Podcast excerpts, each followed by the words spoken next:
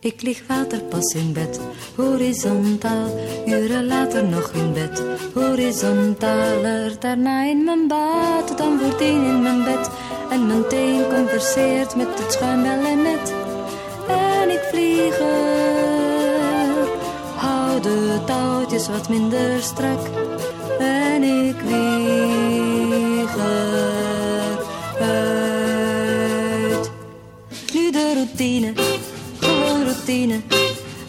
broodjes met ei. Ik ren de trap af, deur uit, straat af, tram op. Dag kantoor. En de machines en de combines. Het consumeren gaat door. Doordat het tempo vertraagt, de winst verlaagt. Weg kantoor.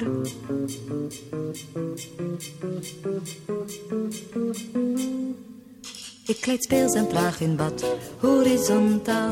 Uren later nog in bad, horizontaler. Daarna in mijn bed, dan voordien in mijn bad. En mijn huid converseert met de bloemenlakenset. En ik vlieg er, hou de touwtjes wat minder strak.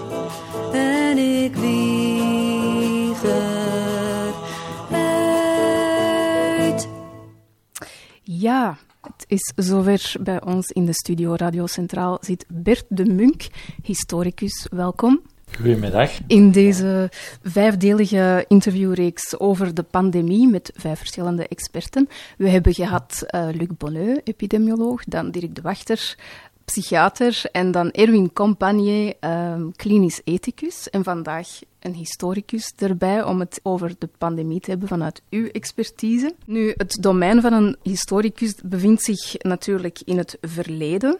Dus evoluties, mijlpalen enzovoort worden eigenlijk meer achteraf gedefinieerd. In feite gaan we pas binnen enkele jaren weten wat we nu juist op dit moment aan het doen zijn, wat daar de gevolgen van zijn, um, de balans opmaken. Maar u heeft daar niet op gewacht, want u bent al vrij snel met een, uh, een commentaar, toch een, een, een redelijk uitgesproken kritiek uh, gekomen in, de, in het publieke debat over de, de aanpak van de coronacrisis.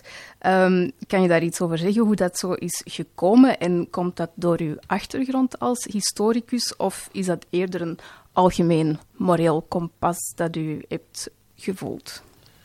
Ja, een beetje de, mengeling van de twee, denk ik. Um, de, de, maatregelen zoals die nu worden, zijn uitgerold sinds een jaar, die botsen wel heel erg met hoe ik in het leven sta. Ik, ik ben eigenlijk uh, ik ben op een boerderij opgegroeid, met vuile handen bij wijze van spreken, zonder veel zorg over uh, overdreven hygiëne. En ik, ik heb daar een soort gezond gestel aan overgehouden. Ik weet absoluut niet of dat daar een oorzakelijk verband is, maar ik, ik leef eigenlijk wel alsof dat verband daar is. Dus ik, ik vertrouw op mijn afweersysteem en, en, en, uh, en ik ga ervan uit als je met virussen in contact komt, dat dat op lange termijn dan eigenlijk wel beter is. Hè? Dat, je, dat je een griep beter krijgt dan ervoor gevaccineerd te worden, bij wijze van spreken, omdat dat op lange termijn... Ik weet, ik weet, zeg het, ik weet niet of dat wetenschappelijk helemaal uh, waterdicht is, maar ik leef wel zo.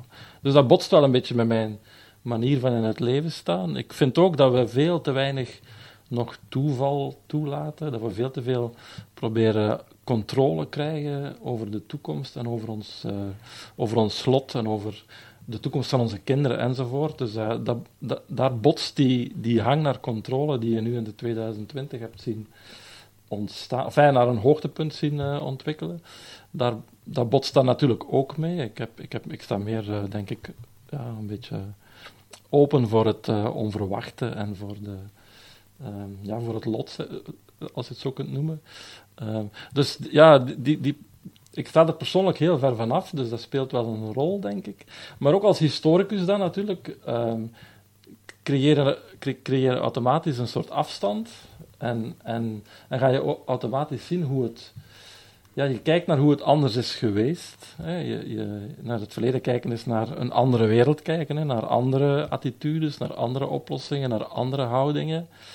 Um, en dat creëert dan ook een, een, idee, als je dan naar vandaag kijkt, dat het ja, anders kan. En dat is een beetje het probleem vandaag, denk ik, in het huidige debat, dat er, uh, dat er een heel erg grote sfeer is van er is geen alternatief. Het kan niet anders, we kunnen niet anders reageren dan op deze manier. En als historicus is dat natuurlijk vreemd, hè, want je, ja, je, die historische afstand creëert juist een soort relativering, denk ik. Ehm, en, en een manier van denken die voor, voor mij persoonlijk uh, ook neerkomt op een soort cultuurrelativistische houding. Hè. Dus ik, ik, ja, ik heb dat ook in andere debatten, dat ik, uh, dat ik denk van, we moeten ook andere blikken toelaten, we moeten ook andere visies toelaten. Er zijn andere manieren van kijken, er zijn andere manieren van denken. En die zijn niet noodzakelijk uh, minder waard, of die zijn niet noodzakelijk ondergeschikt aan de huidige manier van kijken.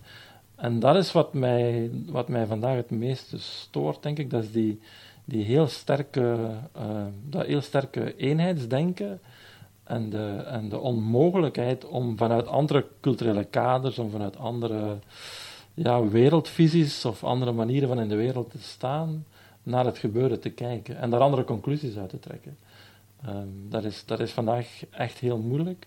En daar is het vooral dat mij, dat mij in de pen heeft doen kruipen, denk ik. Ja, mhm. Dat is een beetje de, de, de bottom line. Dus niet zozeer... Ja, ik, ik, ik zat een beetje te wachten in 2020, uh, eh, in, in eind februari, maart, op mensen die daar, die daar naar keken zoals ik. En ik zag zo geen stemmen opstaan, um, wat, wat, wat ik al vreemd vond en een beetje verontrustend.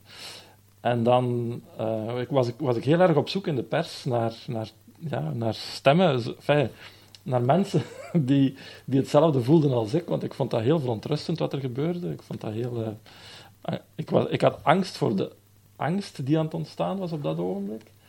En dan, en dan zag ik dat er een aantal mensen wel begonnen te reageren. Eerst in Nederland, denk ik. Marlie Huijer, dat was een van de eerste uh, Wie? tegens. Marlie Huijer? Marlie Huijer. Mm. Uh, dat is een filosoof, een Nederlandse filosoof. Um, die, die een paar keer zo in de, in de, in de pers ook een, een opinie heeft gelanceerd. En zij was een van de eerste, enfin, voor zover ik weet, die dan, die dan uh, een soort tegengeluid liet horen, dat eigenlijk heel erg overeenstemde met mijn, met mijn ideeën daarover toen. En dan in België was er Matthias de Smet, die, uh, die ook in, in maart al, denk ik. Um, en Lieve Annemans was dan ook een van de eerste die zei, ja, je moet toch een beetje breder blijven kijken. Hè? Alleen, niet, niet alleen naar dat virus en de impact daarvan, maar ook van de nevenschade, wat, we nu, wat die lockdown gaat aanrichten. Zij waren de eerste, maar als je dan ziet wat zij over zich heen kregen, um, zij werden meteen verketterd. En dat was dan voor mij de, ja, een extra trigger natuurlijk, om, om, om ook, ja, dat was dan... Uh, enfin, enerzijds stimuleerde zij mij er dan een beetje in uh, en kreeg ik daar wat moed van. Want ja, ik had ook de eerste, eerste weken niet uh, voldoende lef, denk ik. Um, dus die felle reactie op die andere kritische stemmen was voor u misschien een illustratie van waarom we hier wel voorzichtig moeten zijn in het misschien te eenzijdig naar deze crisis kijken? Ja, dat was dan voor mij de, de bevestiging van dat er, een, dat er een soort tunnelvisie aan het ontstaan was en een, en een, een een manier van denken die, die te, uh, te weinig open staat voor alternatieve visies. En, en wat, mij dan, wat mij het meeste schrik aan joeg, was dan de onmogelijkheid om andere visies nog te formuleren. En de, en de mate waarin dat je dan daarop werd aangepakt. Niet vanuit, niet vanuit een soort wetenschappelijke, want um, zowel Lieven Annemans als Matthias de Smet zijn dan uiteindelijk, denk ik, niet Ehm, vanuit, een, een, vanuit de wetenschap terecht gewezen, of met wetenschappelijke argumenten terecht gewezen, maar puur met een moreel, met moreel argument van uh, dat, er, dat er eigenlijk op neerkomt, denk ik, we zijn nu, we zijn nu in oorlog, het is nu geen moment om, uh, om kritiek te geven op het vaderland. Hè. We moeten allemaal, de neuzen moeten in dezelfde richting. Uh, en iedereen die daar tegen, tegenin gaat, die moet terecht gewezen worden. Dus het was eigenlijk een, een heel morele morele terechtwijzing dat die mensen hebben um, tegengekomen, denk ik. Ja. En, dat, en dat, dat vond ik dan nog, nog extra verontrustend natuurlijk, dat, dat, dat je zelfs geen... Uh, dat er zelfs geen, geen mogelijkheid meer is om een kritisch geluid te laten horen. Want ik begrijp wel dat, dat bepaalde mensen in een bepaalde richting willen en dat er een bepaalde politiek. Want ik heb dat ook in mijn eerste opinie geschreven. Ik begrijp wel dat er, uh, dat er iets moet gebeuren en dat er, dat er, uh, dat er schrik is en dat er en dat je vanuit een voorzorgsprincipe iets moet ondernemen. Dus dat, dat begrijp ik allemaal. En, en, en ik denk ook dat daar een meerderheid van de bevolking dan dat er ook een soort democratisch, ja, je, weet we weten tot op vandaag nog niet goed hoe groot het draagvlak is natuurlijk. Maar er, is wel, er, is wel een soort, er was wel een soort draagvlak, denk ik. Maar alleen het feit dat je dan geen kritiek meer mag geven, dat vind ik wel, dat vond ik wel heel verontrustend. Ja. Mhm. Zijn we vandaag uh, geschiedenis aan het schrijven? Ik denk het wel. Um, dat is, historici gaan normaal gezien niet in de toekomst kijken en dat is heel moeilijk natuurlijk. Wij zijn getraind om achteruit te kijken, niet vooruit. Ehm, maar ik denk wel, ja, het, 2020 zal hoe dan ook wel in de geschiedenisboeken terechtkomen. Hè. Dat, dat, dat, is wel duidelijk. Dat gaat een, uh, een momentum geweest zijn. Wat het gaat betekend hebben, dat is nog iets anders natuurlijk. Hè. Want je had van in het begin ook speculaties van het is een, uh, het is een moment voor, uh, voor een nieuw sociaal contract bijvoorbeeld. Hè. Dat is een aantal van mijn collega's hebben dat meteen opgegooid. Uh, vergelijkbaar met wat er na Wereldoorlog 2 gebeurd is, zijn er heel belangrijke stappen gezet in de, in de ontwikkeling van de sociale zekerheid en sociale bescherming. Uh, vandaag hebben we een heel andere sociaal-economische context. En een aantal van mijn collega's hebben meteen ook geopperd, ja, dit is het moment om dan naar een nieuw sociaal contract te gaan. En, uh, en, en verbonden daaraan, in dezelfde sfeer, mensen die, met het, die bezorgd zijn om het klimaat en om ecologische problemen, die zagen daar ook meteen een, een soort kans in, een soort momentum. En eigenlijk, ja, ik sympathiseer daarmee, want ik zou ook hebben, graag hebben dat er positieve dingen uit voortkomen in die zin. Een, een, een socialere wereld en een, en een groenere, ecologischer wereld. Ik zou, het, ik zou het heel graag zien gebeuren. Maar ik ben zelf een beetje pessimistischer, uh, want ik heb, ik heb een van mijn de opinies die ik ge, ge, gepubliceerd heb op knak.be dan, heb ik proberen wel reflecteren over wat gaat het nu betekend hebben, historisch. En ik vrees toch meer dat er een soort uh, versterking gaat zijn van de, van de tendensen die, er, die ervoor gezorgd hebben dat we nu eh, al die lockdown-maatregelen en, en die feit, toch wel een beetje repressieve klimaat dat we nu in zitten, uh, ik vrees een beetje dat, dat de mechanismen die daarvoor zorgen eigenlijk versterkt gaan worden. Uh, omdat, je, omdat je natuurlijk uh, veel wordt verklaard natuurlijk van een aantal actoren die, die machtig zijn en die geld hebben en die uh, je hebt allerlei ehm, je hebt investeringen natuurlijk in, in onderzoek naar virussen en in onderzoek naar vaccins en je hebt allerlei Ehm, organen en ehm, instellingen die, die ons moeten voorbereiden op dit soort dingen. Dat is, dat is de laatste 20, 30 jaar. Uh, de, de, laatste generatie heel erg toegenomen. We hebben een griepcommissaris, we, de WHO heeft allerlei draaiboeken, heeft, uh, heeft rapporten die, die, die uh, allerlei richtlijnen geven van als het gebeurt moeten we dit en dit en dit doen. Dus er zijn allerlei draaiboeken en protocollen die al klaar lagen en die verklaren natuurlijk wat de reactie is. Hè? Want in, in, de jaren, in de jaren 50 en in de jaren 60, eind jaren 50 en eind jaren 60, heb je pandemieën gehad die, denk ik, qua... Het is moeilijk te vergelijken natuurlijk of de impact echt vergelijkbaar was, maar ik denk dat de, de ernst van het virus um, toen vergelijkbaar is met het ernst, de ernst van het virus nu. Natuurlijk, toen was er een, een uh, veel minder vergrijsde bevolking. Hè, uh, we hm. zijn uh, nu gemiddeld tien jaar ouder. Dus en de, het feit dat, het, dat de impact nu uh, nog ernstiger of nog, nog uh, uh, ingrijpender lijkt, heeft natuurlijk heel veel te maken met het feit dat er nu veel meer 75-plussers zijn dan, dan toen. Maar de ernst van het virus en het feit en, en de, de mate waarin het virus nieuw was, en waar, waar, eh, waarin we niet tegen beschermd waren toen, in de jaren 50 en 60, is vergelijkbaar, denk ik.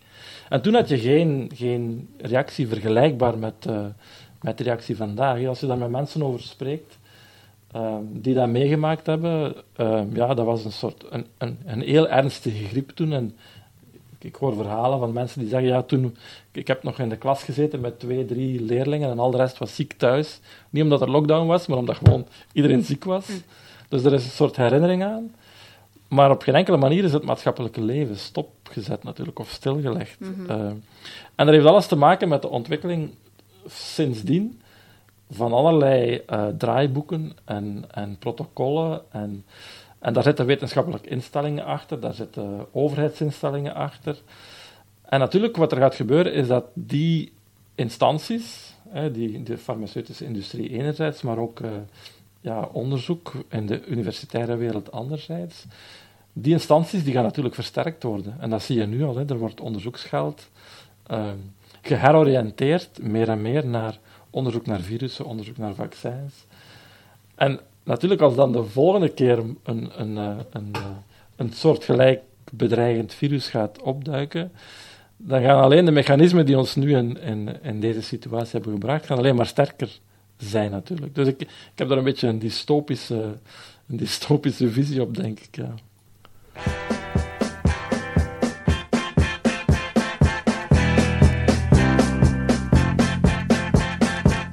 Het medium is de boodschap, denk ik. Een boodschap is nog niet vereist.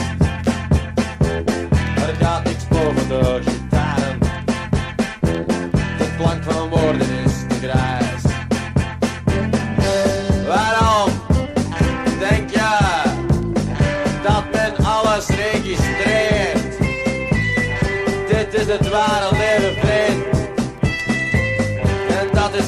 zo geweest.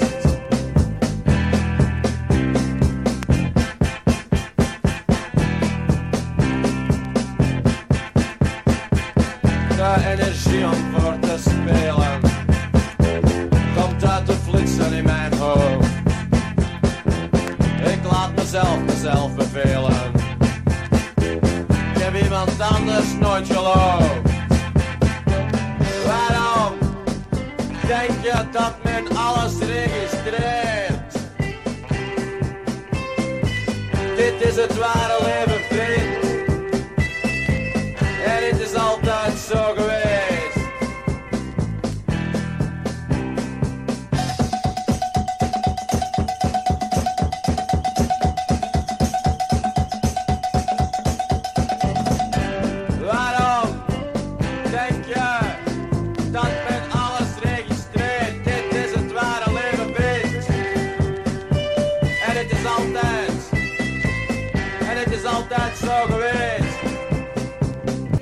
Ja, ik heb eh, muziek bij van de jaren tachtig, want dat was eh, de periode waarin u jong was. En ehm, in de voorbereiding van het programma maakte u het grapje van misschien ook wel medereden van uw, eh, het iets dystopischer misschien dan de gemiddelde mensen te inschatten.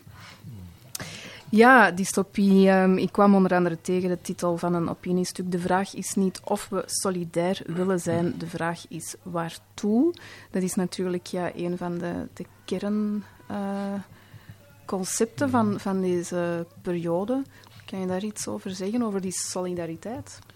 Ja, dat is een heel, dat is een heel eh, lastige, eh, omdat natuurlijk. ehm, ik, ik, ik ben altijd een heel ehm, links en progressief georiënteerd team. Enfin, ik ben dat nog, denk ik ook al.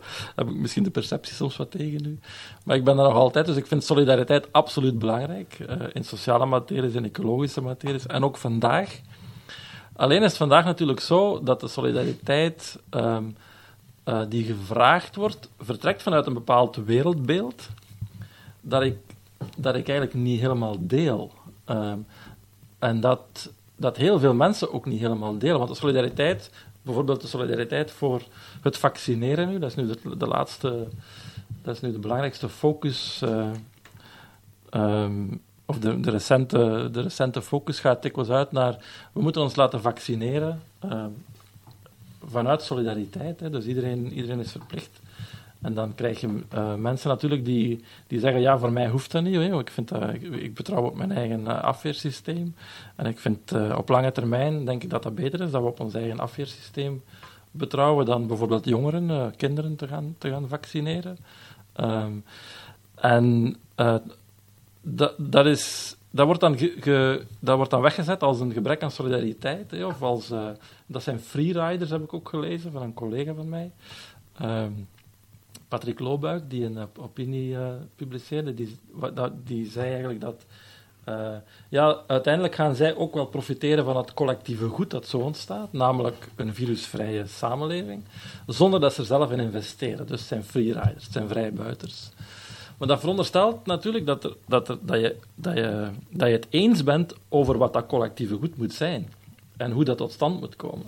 En dat, dat is natuurlijk niet het geval, want die mensen die zich verzetten tegen, of, die, of die zeggen, voor mij hoeft een vaccin niet, voor mij volstaat het dat de oudere generatie en de kwetsbare mensen worden gevaccineerd, laat de jonge mensen met rust. Die hebben natuurlijk een ander collectief goed voor ogen en die hebben een ander einddoel voor ogen. De solidariteit kan je, wel, kan je natuurlijk wel vragen van mensen, maar als je natuurlijk een, een andere invulling eh, geeft aan wat dan de ideale wereld is en het ideale doel dat je wil bereiken, ja, dan leg je natuurlijk een, een, bepaald, eh, een bepaald wereldbeeld op aan andere mensen. En dan, en dan is al, heel, is al veel moeilijker natuurlijk. Dat is helemaal iets anders dan, dan solidair zijn eh, en een deel, van, enfin, een deel van je loon afstaan via belastingen. Of, eh, dus op, op, dat vlak is, is er denk ik veel minder, veel minder een probleem. eh, en, en, maar nu ga je mensen die, die een heel ander wereldbeeld op hebben, eh, hebben, een heel ander doel voor ogen hebben, een heel andere ideale wereld voor ogen hebben, ga je vragen om solidair te zijn in functie van een wereldbeeld waar ze het absoluut niet mee eens zijn.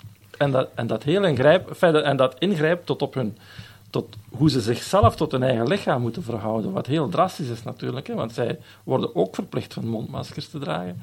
Zij worden ook verplicht van zich te laten vaccineren. Dus dat, dat grijpt op hun lichamelijke integriteit in. Zij worden ook verplicht van hun handen te ontsmetten. Terwijl, terwijl zij, ja, zij worden zij worden echt een wereldbeeld opgedwongen, waar ze, eh, opgedrongen waar ze het fundamenteel mee oneens zijn. En dan is solidariteit vragen natuurlijk wel iets anders dan, eh, dan, dan vragen van uh, deel van uw loon af om, om de sociale zekerheid te financieren. Ik, ik, denk dat dat een heel andere categorie van solidariteit is. En dat daar nog heel goed moet over worden nagedacht. Ik zeg ook niet dat je niet solidair moet zijn, hè, maar er is veel te weinig over nagedacht, denk ik. Over hoe ingrijpend dat is voor mensen die er een ander wereldbeeld op nahouden. En ik denk dat er nog heel veel denkwerk nodig is uh, om, om dat uit te klaren. Over, en uit te klaren in hoeverre je dan effectief die solidariteit kan gaan opleggen of afdwingen. Omdat dat ja, volgens mij van een heel andere orde is. Als je het publieke debat um, volgt, of, of ja, laat ons dan de media zeggen, krijg je wel de indruk dat dat echt een heel marginale groep is. Hè, die, waar het nu eigenlijk voor opneemt, dat dat uh, zich, ja, wat zijn het dan, antivaxers, of uh, mm -hmm. die hebben ook niet echt een vertegenwoordiging, maar u gaat ervan uit dat dat eigenlijk wel een grote groep is, of doet dat er niet toe, dat dat maar een kleine groep zou zijn? Ja, eigenlijk doet dat er niet zoveel toe, denk ik. ik. Ik kan absoluut niet inschatten hoe groot die groep is, maar het is alleszins groter dan want ja, de, de antivaxer, dat, is zo, dat wordt inderdaad zo snel gepercipeerd als dat is een, een, een marginale groep uh, waar je geen rekening mee moet houden. En er waren natuurlijk vroeger ook al mensen die, die weigerden hun, uh, hun kinderen te laten inenten tegen polio en zo. En dat was echt een heel kleine, enfin, marginale, tussen aanhalingstekens, marginale groep, denk ik. Maar ik denk dat het nu wel veel groter is. Dat er nu heel veel meer... En, ook, en dat er nu heel veel mensen... Uh, uh, betrokken zijn uh, en, en, en daarmee bezig zijn en daar wantrouwig tegenover staan, die vroeger niet eens hebben nagedacht over vaccins. Want voor wie vroeger het vaccineren uh, heel vanzelfsprekend was, denk ik, en die nu wel gaan nadenken zijn en die nu wel echt zoiets hebben van ja, in dit geval misschien toch ook niet voor mij. hoeft het misschien ook niet. En, en, maar je kan niet inschatten hoe groot die groep is. En in zekere zin doet het er eigenlijk ook niet toe, denk ik. Want ik, voor mij gaat het erom van... Uh, ja, die, die, ja, hoe je er ook tegenover staat. Uh, en ik, ik zeg het, ik heb het net gezegd, ik begrijp dat, dat, dat dat misschien een minderheid is en dat de meerderheid moet... Uh, en, dat, en dat er een draagvlak is voor allerlei dingen. Maar de mate waarin dat je die mensen die er anders over denken dan de arm omwringt, daar moet wel eens goed over nagedacht worden, denk ik. Want nu zijn, zijn ook die mensen al een heel jaar natuurlijk worden gedwongen om een aantal dingen te doen die ze voor veel mensen, die voor veel mensen een echte nachtmerrie zijn. Hè. Die, er zijn heel veel mensen die, die al eh, nu een jaar, enfin, het is nog geen jaar, sinds juli of zo zeker, dat er mondmaskers op middelbare school verplicht zijn. Er zijn heel veel mensen die dat echt, echt afschuwelijk vinden. Ouders die dat echt afschuwelijk vinden, van elke dag hun kinderen met een mondmasker naar school te zien vertrekken. En je kan, je kan misschien een tijd zeggen van ja, kom, uh, het, het moet nu even. Uh, een maand of zo, uh, in maart, was dat het verhaal van het moet nu even, we moeten, we moeten even op ons, op ons standen bijten. Maar er is nu al meer dan een half jaar dat die mensen geen enkele inspraak daarin hebben, dat, je, dat die ouders elke dag hun kinderen naar school zien vertrekken, volledig in strijd met een wereldbeeld dat ze hebben. Ik vind dat echt uh, uh, ja, te ver gaan. Ik vind dat er naar die mensen moet geluisterd worden.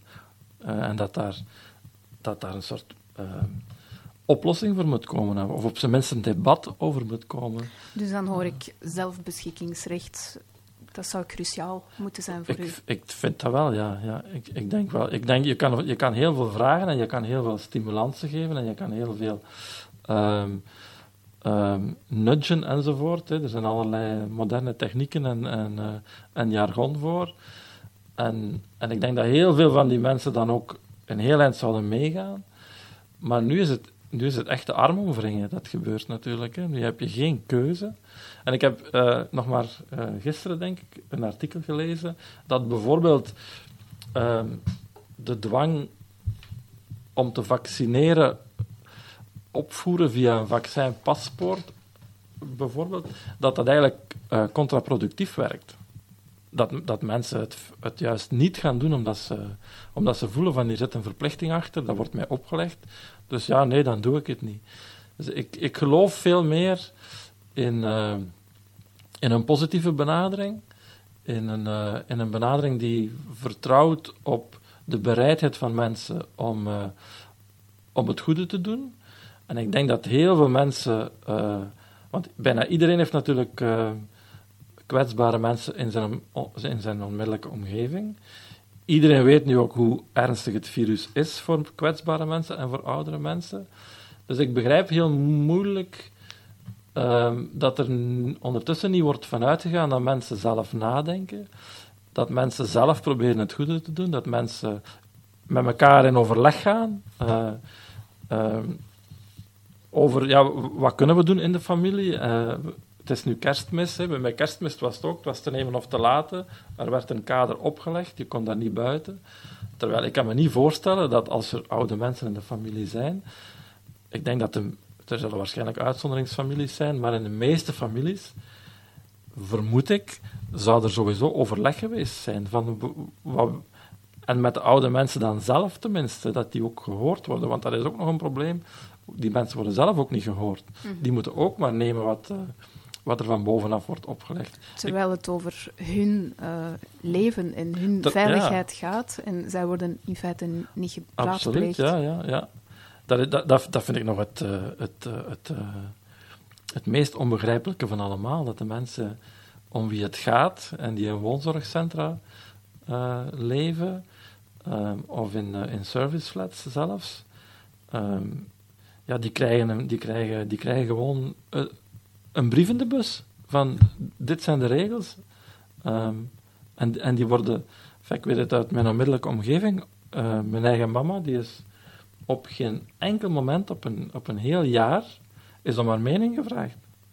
Nog op geen enkel moment. En wat is haar mening? Uh, dat, dat, is... Ja, dat is... Um, zij houdt zich, zij houdt zich nogal, nogal aan de regels. Uh, um, zo goed en zo kwaad als het kan, ook niet 100 procent. Um, en ze beseft ook wel dat het voor haar, uh, dat het voor haar een risico, risico is. Maar zij stoort zich tegelijkertijd ook wel aan het feit dat er, dat er inderdaad geen, uh, geen rekening gehouden wordt met, met de mening van de, van de van, niet, van een, niet alleen van haarzelf, maar de, de mensen die op dezelfde gang uh, leven, ehm, ja, ze, ja, die moeten gewoon maar... Die krijgen te horen wat er, wat er beslist is. En dat gaat zover dat er dan plots gemeenschappelijke ruimtes worden afgesloten, stoelen worden weggehaald, ehm, zonder dat dan dat wordt gevraagd. Of dat wordt zelfs niet aangekondigd. Soms zijn de stoelen gewoon weg plots, in één, opeens. En, en ja, dat, dat lijkt me toch het minimum, dat, dat de mensen op wie het, om wie het gaat, dat die zelf om hun mening worden. Maar dat is op, op, op dat hele jaar nog niet gebeurd. Nee. Nee. U noemde ook eh, die voorbereiding van de laatste decennia. ehm, in feite om zo'n crisis eh, te lijf te gaan, of in elk geval de hele samenleving te organiseren. Dat hebben we dan gezien, hè, in werking treden in een mum van tijd, eh, op wereldwijde schaal, internationaal. Ik denk dat dat ook wel kan bijdragen tot de argwaan van ehm, die mensen die al kritisch waren. Hè, om zo te zien hoe dat strak georganiseerd is. Ja, dat, dat, dat werkt misschien juist argwaan in de hand van wat gebeurt hier eigenlijk. Ja, het, het endt zich natuurlijk ook een beetje op een argwaan die al bestond. Hè. Ehm, de argwaan tegen de mainstream media, zoals het dan, eh, het dan wordt genoemd. Eh, de argwaan tegen ehm, eh, ja, internationale organisaties en politieke gremia die, die heel ondoorzichtig zijn. Ehm, de WHO is natuurlijk, eh, maakt deel uit van een hele amalgaan aan instellingen de Wereldbank, het IMF, Europa hè, als, abstracte, als abstracte eenheid. Dus er was al een zeer grote argwaan ten opzichte van die heel ondoorzichtige, ontransparante organisaties. Ehm, bij een deel van de bevolkingen, ik denk de, de brexit is daar een, eh, is daar een gevolg van. Eh, de verkiezing van Trump heeft daar al echt ook mee te maken, want die heeft zich ook geënt op dat soort sentimenten van we moeten... ehm, eh, ja, we moeten wantrouwig zijn ten, opzichte van die mainstream media enzovoort. En, en wat er nu gebeurt, vers- versterkt dat ook wel voor een stuk inderdaad, denk ik. Ja. Natuurlijk, de WHO is, is, is, dan, weer, is dan weer een andere, een andere organisatie, maar ze is natuurlijk ook... ehm, ja, en je- kan moeilijk tegen, tegen de doelstellingen van die, die organisatie zijn. En, eh, maar tegelijkertijd is, is het natuurlijk ook een, een, een, eh, een organisatie ver van ons bed. Is dat Eh. wat u het technocratische noemt? Ja, ik, ik denk, ik, daar komt het wel een beetje op neer, hè, dat er een aantal mechanismen in gang worden gezet, die ook weer als onvermijdelijk worden voorgesteld. Hè. Er is geen alternatief. Die vanuit dat soort organisaties eh, worden opgelegd. En waar de democratische controle heel erg ehm, zwak is of afwezig is. En waar die transparantie er ook niet is, waar, dat waar, waar geen debat over is ook niet. En die inderdaad technocratisch zijn, hè, waar, waar je, waar- dat werkt via protocollen, procedures. En daar zit dan wetenschappelijk onderzoek achter. Dus, eh, dus het is natuurlijk allemaal goed bedoeld. Hè. Ik, ik stel de, de doelstellingen eh, absoluut niet in vraag. Maar wel het, het, het, ge- het gebrek aan, eh, aan participatie van, en, en, eh, en inzage, democratische controle en, en de, de onmogelijkheid om daar nog vragen bij te stellen. Dat, dat is eigenlijk een beetje de, de bottom line voor mij. Dat je, daar, dat je daar niet onderuit kan en dat je daar geen vragen meer kan over stellen zonder, zonder buiten het debat te worden geplaatst, zonder, zonder te worden gezien als, een, eh, ja, als iemand achterhaald of, of ehm, iemand die het niet begrepen heeft. Hè, want er worden dan snel eh, allerlei termen bovengehaald. Hè. Zijn idioten. Hè. De, de Trump-stemmers zijn idioten. De Brexiteers waren ook idioten. Ehm, ze begrijpen eigenlijk niet wat, wat hun eigen belang is. Dat is ook een, een, een, een soort... Een, een heel rare manier van... enfin, of een heel dwingende manier om die mensen dan weg te zetten. Dat is... Ze hebben geen inzage in wat hun echte belangen zijn. De, de, de mensen die voor, voor de brexit hebben gestemd, bijvoorbeeld, die, eh, die werden verweten, want ze begrijpen eigenlijk niet waarvoor dat ze aan het stemmen zijn. Want moesten ze het begrijpen, zouden ze het niet doen. Dan zouden ze, iets, zouden ze een andere beslissing nemen. Dat, is eigenlijk, dat gaat eigenlijk wel ver in het ontkennen natuurlijk van, van ehm, ja, andere culturele keuzes of andere visies of andere... Mm. En vandaag is dat In- weer een beetje In het dat geval, geval zit er natuurlijk een, ook een laag van waarheid in, want ze, ze, ze kunnen het nu wel erg betreuren natuurlijk, die brexit. eh, ze zitten daar wel met de gevolgen. Maar alles is Ja. natuurlijk meerlagig. Maar hoe, hoe ziet u deze evolutie vanuit een historisch oogpunt? Is dat iets dat zich al lang eh, aan het eh, aankondigen was? Of is er e- eerder iets plots gebeurd? Ik denk dat dat, een, ja, dat, dat teruggaat, eh, al een, een heel eind teruggaat. Ik denk dat de kiem daarvan voornamelijk in de 19e eeuw is gelegd. En de, ja, de verlichting heeft er ook wel een rol gespeeld. Je kan ook wel nog verder teruggaan.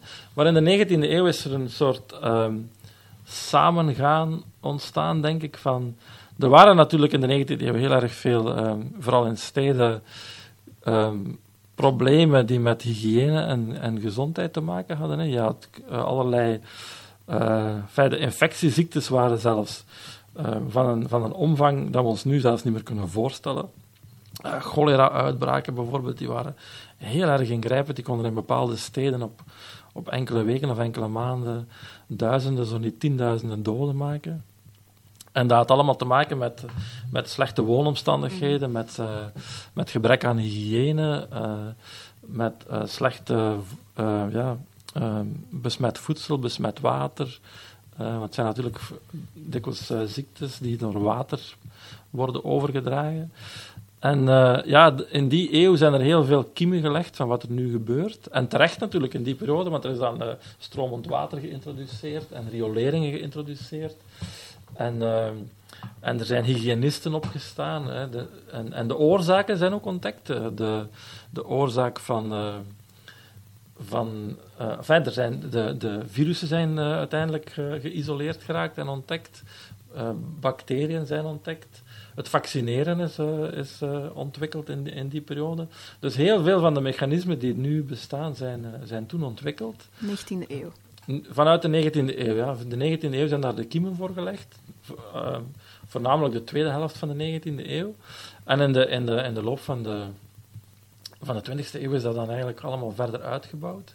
Met, met spectaculaire ge- positieve gevolgen. Hè, want we zijn van een, eh, levens, een gemiddelde levensverwachting van 40 jaar, halfweg de 19e eeuw, eh, ja, zijn we nu gekomen op een eh, gemiddelde van voor vrouwen al meer dan eh 80 jaar. Hm. Dus bijna een verdubbeling van de levensverwachting. En dat heeft voor een groot stuk te maken met de kindersterfte, die in de 19e eeuw ook heel erg groot was. Ehm, dus die, de gevolgen daarvan zijn, zijn spectaculair. Eh, de positieve gevolgen, dat is steeds verder uitgebouwd. De successen, die zijn er, ik ga die, zeker niet ontkennen. Maar ik zie, ik zie 2020 wel nu een beetje als een, eh, als een soort reality check ook. eh, omdat ik- ik denk dat we, wat we nu zien, dat dat ook ehm, een beetje het besef zou moeten doen groeien dat je, dat je niet eeuwig op dat pad kan blijven verder gaan. En dat er een moment gaat komen dat we gaan moeten toegeven dat bepaalde dingen ehm, niet te controleren zijn en niet uit te roeien zijn. Hè. Je gaat nooit... ehm, je gaat nooit een soort onsterfelijke, onsterfelijkheid kunnen, kunnen creëren, natuurlijk. Hè.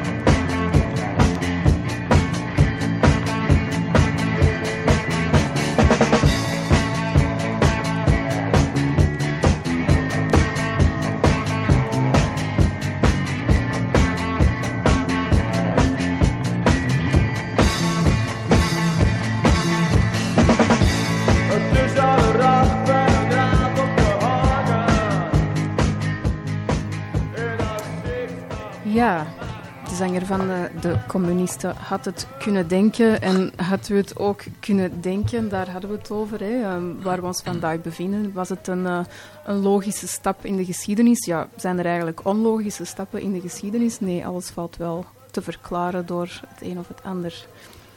Ja, maar het, het probleem is een beetje, denk ik, in, de huidige, in onze huidige manier van denken. Ehm, we hebben een heel lineair idee van de geschiedenis. We denken heel erg vanuit een soort vooruitgangsidee. Dat het altijd beter zal gaan. En, eh, en, en gekoppeld daaraan dat technologie en wetenschap daar zullen voor zorgen. Dus dat, is- dat zit heel erg in onze westerse cultuur, denk ik. En dat is ook iets dat uit de 18e, 19e eeuw, vooral ook weer 19e eeuw komt. Alle belangrijke ideologieën van vandaag zijn eigenlijk vooruitgangs, verlossingsideologieën. Het liberalisme stelt eigenlijk de verlossing van het, eh, van het individu in het vooruitzicht, hè, de, de volledige emancipering van het individu.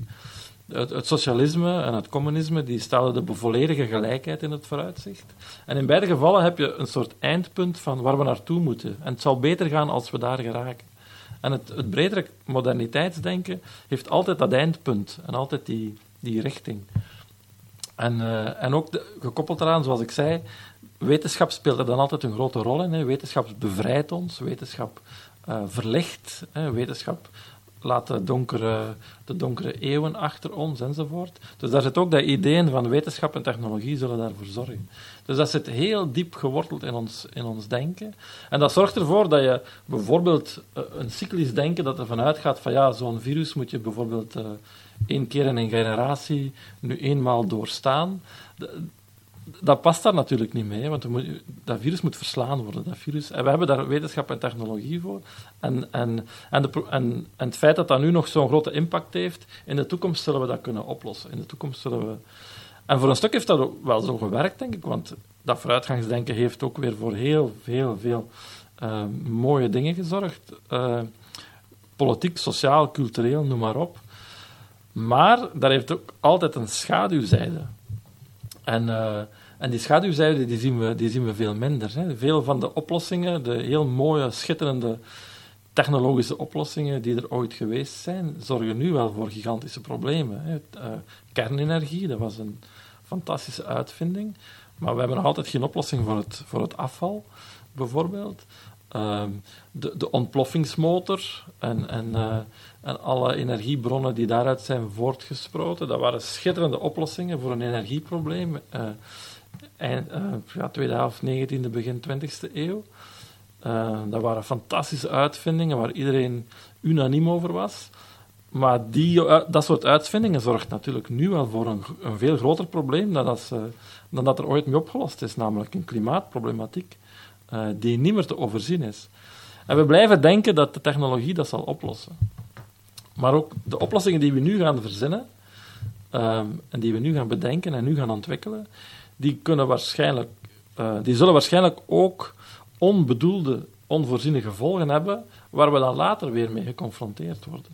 Dus ik denk dat er, dat er ook ehm, meer aandacht zou moeten zijn voor die effecten op lange termijn en voor de, voor de onzekerheid eh, die daarmee te maken heeft. En ik denk ook bijvoorbeeld, eh, als je nu kijkt naar de, naar de discussie over vaccins bijvoorbeeld, dat is een schitterende oplossing op korte termijn. Daar is denk ik iedereen het over eens. Enfin, de meeste toch.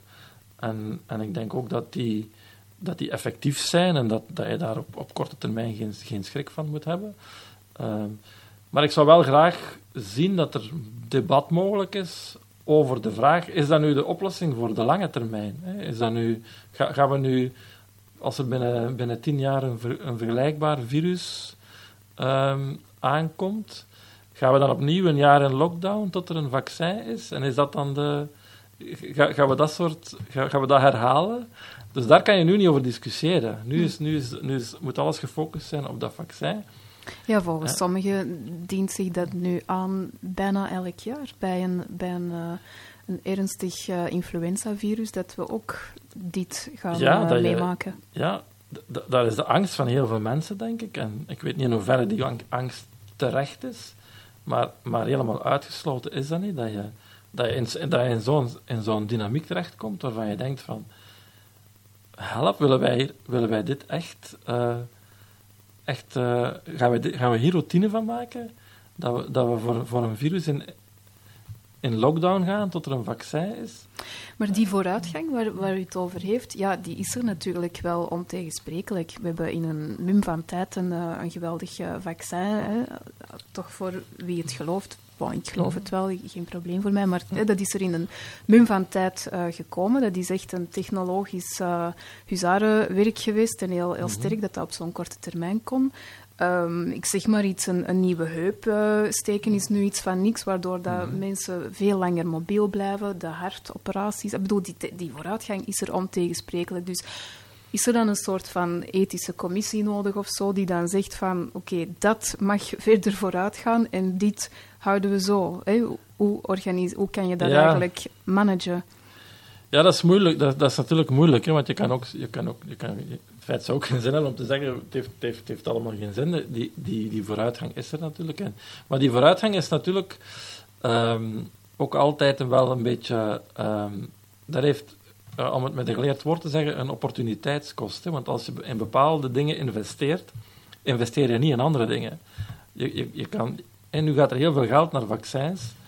En er zijn nu al alarmerende berichten uit... Uh, uit Afrika bijvoorbeeld, dat er andere programma's uh, niet verder worden ontwikkeld of on hold worden gezet uh, met betrekking tot ziekten die eigenlijk veel beter behandelbaar zijn en waar de, waar de, de opbrengst van de, van de investering die je doet eigenlijk veel groter zal zijn. Er zijn nog altijd, in Afrika sterven er mensen aan ziekten waar wij niet meer aan sterven, al lang niet meer.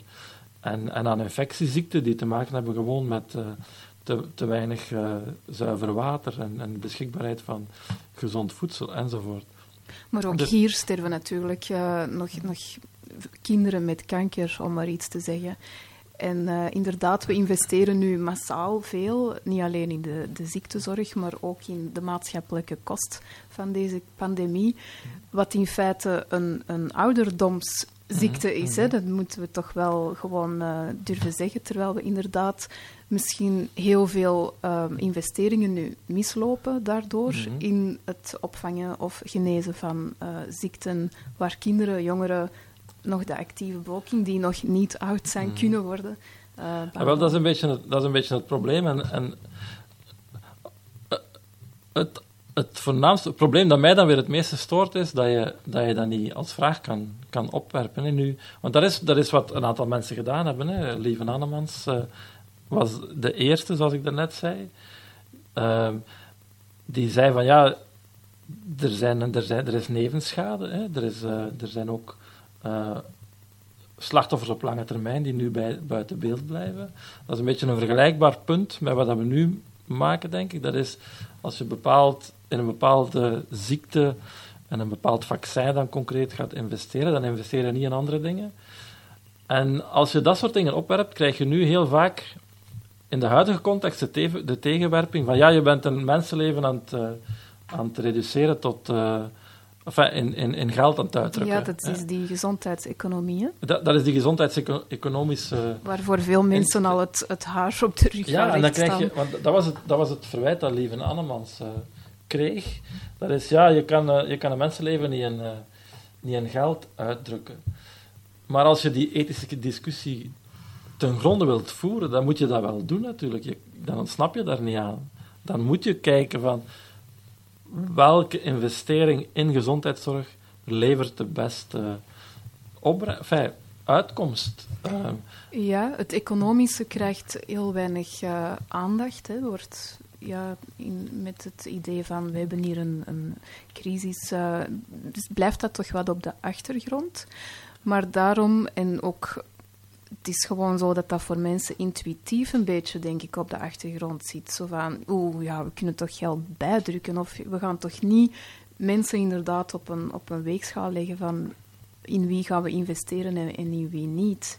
Maar kan je daar iets meer over zeggen? Van dat, het, ja, dat dat wel gewoon feit, een feit is? Ja, dat is, dat is, dat is een beetje het vergelijk- vergelijkbaar punt. Ik, ik, ik, ik ben altijd iemand, eh, iemand geweest die, eh, die het sociale laat voorgaan op het economische en het ecologische. Enfin, laat voorgaan is veel gezegd, maar die, die alleszins vond en vindt dat er meer aandacht moet gaan naar het sociale. eh, en, dat, en dat het sociale eh, in het economische denken te weinig aandacht krijgt, dat het ecologische in het economische denken te weinig aandacht krijgt. Maar nu, in, in, in de huidige context, is, zie je een beetje het tegenovergestelde. Hè. Moet, moet echt alles wijken voor eh, het, het virus verslaan.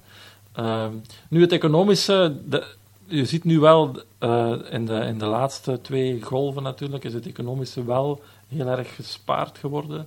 En dat heeft natuurlijk te maken met, met het feit dat, eh, dat economische lobbygroepen heel, heel sterk zijn hè, en sterker dan, dan, eh, dan andere Ja, maar ik bedoel meer de kost ja, voor, de, voor de samenleving op middellange termijn. Hè. Binnen 1, 2, 3 jaar gaan we daar enorme Ah, wel, gevolgen van ja. eh, zien. Ah, Wel, daar wou, ik- daar wou ik toe komen. Eh, nu is het zo dat er dan, dat er dan heel vaak toch een soort, weer een soort tegenstelling wordt geschetst tussen het is of economie of solidariteit, of economie of het, het virus verslaan.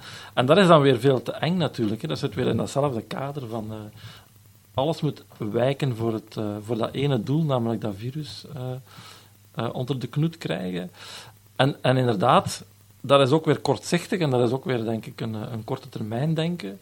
Ehm, want ja, er zijn inderdaad ook gezondheidseconomen die, die daar ook modellen en simulaties voor hebben, die, die weergeven van als, als, er, eh, eh, als het bruto eh, binnenlands product of als de economische groei afneemt, dan vertaalt zich dat ook in een lagere, in hogere sterftecijfers en in een lagere levensverwachting.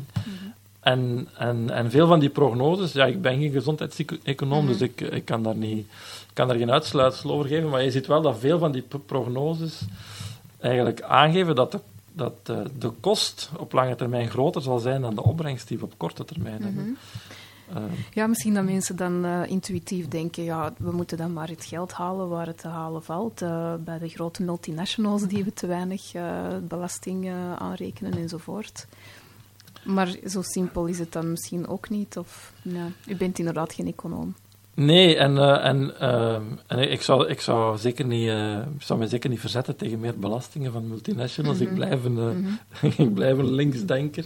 En, eh, en ik, ik, ik hoop ook dat er inderdaad op dat vlak ook stappen vooruit worden gezet. En dat er, eh, en dat er een soort, eh, inderdaad, misschien een nieuw sociaal contract kan komen. En dat er, veel meer, dat er meer aandacht is voor sociaal kwetsbare groepen op de arbeidsmarkt enzovoort. Ik hoop dat dat, dat, dat ook een uitkomst is van de crisis, maar dat is een andere discussie, denk ik. Eh, en, en ik denk dat je die, die, twee, die, die twee debatten worden nu soms een beetje eh, met elkaar vermengd en op één hoop gegooid. Maar ik denk dat je, dat je vandaag ehm, voor een, sociaal, een nieuw sociaal contract kan zijn en toch kritische bedenkingen hebben met hoe de pandemie wordt aangepakt vanuit die economische logica. Want die, die, ja, die economische logica gaat hoe je ook dat sociaal, die, die, die, die, eh, die sociale bescherming enzovoort gaat versterken en sociale gelijkheid gaat vergroten. Hoe je dat, je dat ook doet, eh, ja, die economische logica zal ook altijd wel een rol blijven spelen natuurlijk. Dus en, en, en eh, het geld waar je daarmee mee betaalt en financiert, zal ook altijd wel ergens vandaan moeten komen. Dus je kan die logica denk ik ook niet helemaal overboord gooien. Dus eh, dat, volgens, voor mij is dat eigenlijk een beetje een andere discussie. En, ehm, en ik, ik hoop ja, dat, dat, dat het mogelijk is om, uh, om beide posities in te nemen. Is voor een sterke sociale zekerheid zijn, voor sociale gelijkheid opkomen en toch kritisch zijn ten opzichte van de solidariteitsmechanismen die in het kader van die pandemie worden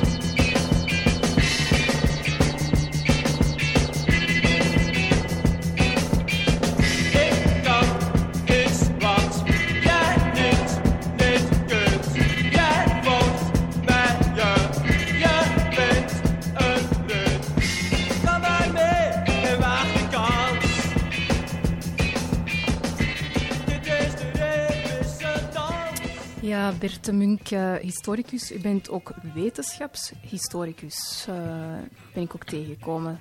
De wetenschap speelt hier een uh, cruciale rol hè, in, in heel deze periode, in die tijdvak. Um, als alles politiek is, dan is ook wetenschap politiek. Mm -hmm.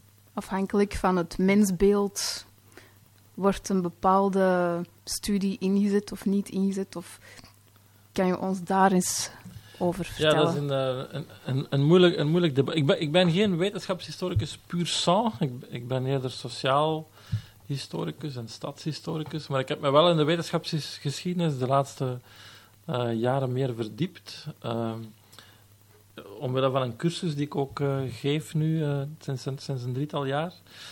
Um, en dat heeft er wel mede voor gezorgd dat ik mij dat ik mij aangesproken voelde uh, in, in uh, maart 2020. En inderdaad, wat, wat, wat daar dan denk ik een beetje het probleem is, uh, is dat de wetenschappelijke bevindingen als heel absoluut worden voorgesteld. Hè. Je, je, hoort voortdurend uh, dat er een soort wetenschappelijke consensus is. En dat de wetenschap zegt dat en de wetenschap zegt dat. Hè. De, de, de manier waarop dat, alleszins de manier waarop dat het in de media verschijnt, want ik denk dat, dat de wetenschappers die betrokken zijn zelf ook al beseffen dat dat, uh, dat, dat overtrokken is uh, en dat, uh, dat de waarheid veel complexer is. Maar de manier waarop dat het nu aan mensen verschijnt, is dat het heel absoluut is. Hè? Dat het te nemen en te laten is, de, de wetenschap zegt. Maar natuurlijk aan, aan wetenschap liggen ook heel veel uh, keuzes ten grondslag. Hè. Wetenschappers maken keuzes van wat ze zichtbaar maken, wat ze niet zichtbaar maken, wat ze onderzoeken, wat ze niet onderzoeken. En die keuzes die, die, die bepalen eigenlijk ja, uh, welke werkelijkheid aan, aan ons verschijnt natuurlijk. Hè. Als je, als je uh, het immuniteitssysteem onderzoekt, dan kan je dat op verschillende niveaus onderzoeken. Hè. Je kan naar eh, ehm, uh, antistoffen kijken, maar je kan ook naar die B-cellen en die T-cellen. Ik ben geen viroloog, dus ik wil daar niet te diep op ingaan. Maar je, je, je maakt daar keuzes. En afhankelijk van die keuze ga je misschien meer of minder vertrouwen hebben in, in groepsimmuniteit bijvoorbeeld. Hè? Want dat is lang een discussie geweest, kudde of eh, herd immunity, groepsimmuniteit. En de mate waarin dat je daarin gelooft hangt natuurlijk voor een stuk af van waar je naar kijkt als immunoloog.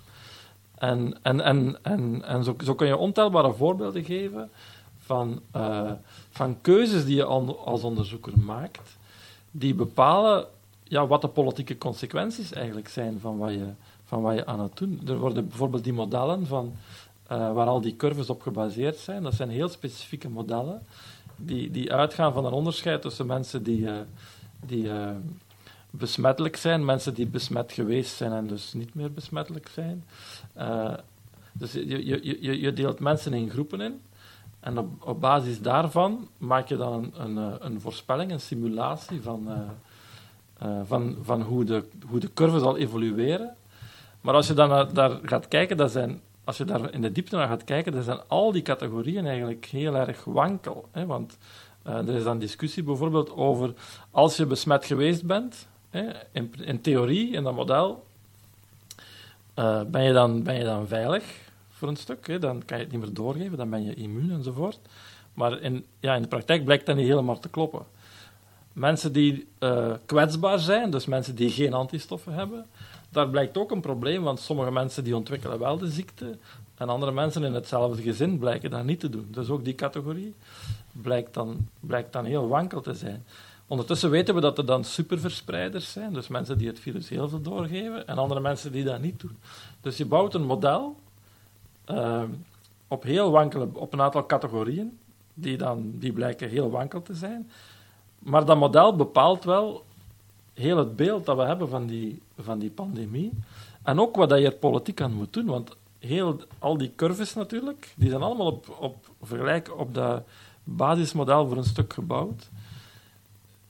Heel die, eh, heel dat, die modelmatigheid bepaalt natuurlijk voor een groot stuk de politiek. Want po- politici die kijken dan inderdaad naar die curves en naar de reproductiefactor enzovoort, die daar allemaal uit afgeleid zijn.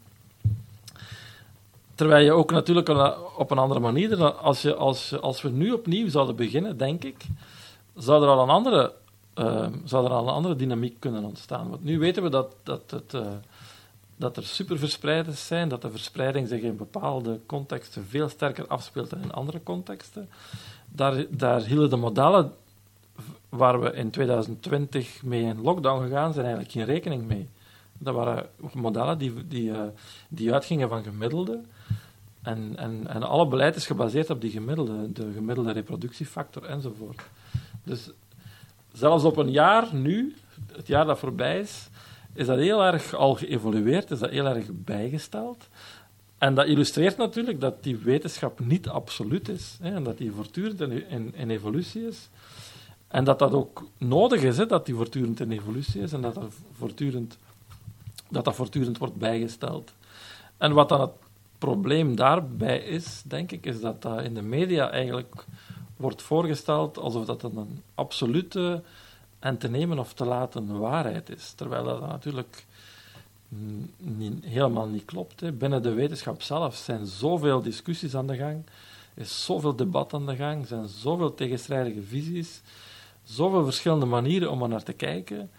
Ja, de, de hele idee dat er een soort wetenschappelijke consensus is, is bijna, is bijna absurd, denk Onzinnig, ik. ja. Ja, anderzijds zijn we daar allemaal wel enigszins onelegant uh, van getuigen hoe die consensus er niet is. Als we zien die uh, virologen, hoe, hoe, ze elkaar tegenspreken en elke dag terug een ander ja, het, vooruitzicht. Ja. Dus ja, de, de, de mens in de straat had daar voordien in feite weinig mee te maken, of kreeg daar weinig van te zien. Maar nu krijgen we eigenlijk net dit principe van die onzekerheid, krijgen we juist wel heel duidelijk te zien.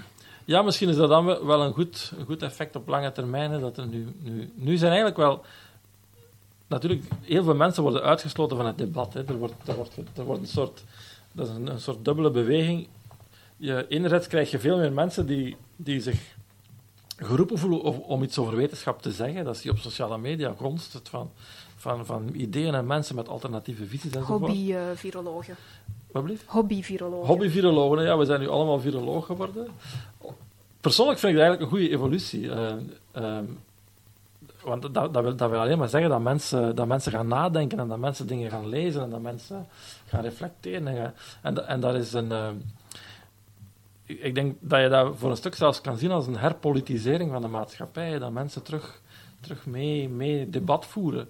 Eh, en, maar anderzijds zie je, zie je een, een, een wetenschappelijke wereld die als reactie daarop, vind ik, heel defensief reageert. En alleen maar meer gaat, gaat benadrukken van ja, maar we hebben, we hebben consensus. Ja, maar we zijn het erover eens. Ja, maar dat kan je niet ter discussie En hoe, stellen. hoe verklaar je dat? Want die, die, niet, die afwezigheid van consensus is eigenlijk inherent aan wetenschap, als ik het goed begrepen heb. Ja, wetenschap evolueert, denk ik, door, door, ehm, door voortdurend alles in vraag te stellen. Hè, door als er een bepaald... eh, als er iets vastgesteld is door een bepaalde groep van wetenschappers, door een bepaald laboratorium. Wetenschap evolueert alleen maar door dat niet te geloven, natuurlijk. Hè, door te zeggen van, ja, maar wacht... eh, we gaan dat toch nog eens zelf ook bekijken. En dat een ander labo dan zegt van, ja, maar nee, als je dat zo bekijkt, ja, dan klopt dat toch niet meer. Of als je, de- als je dit... eh, als je deze parameter verandert, dan krijg je toch een andere uitkomst.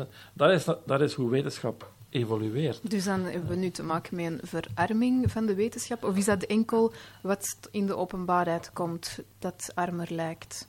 Misschien achterliggend dat er wel heel veel... eh, Ja, achterliggend, ehm, ik zeg het, het, wet- het wetenschappelijke bedrijf ehm, werkt goed hè, op een bepaalde manier.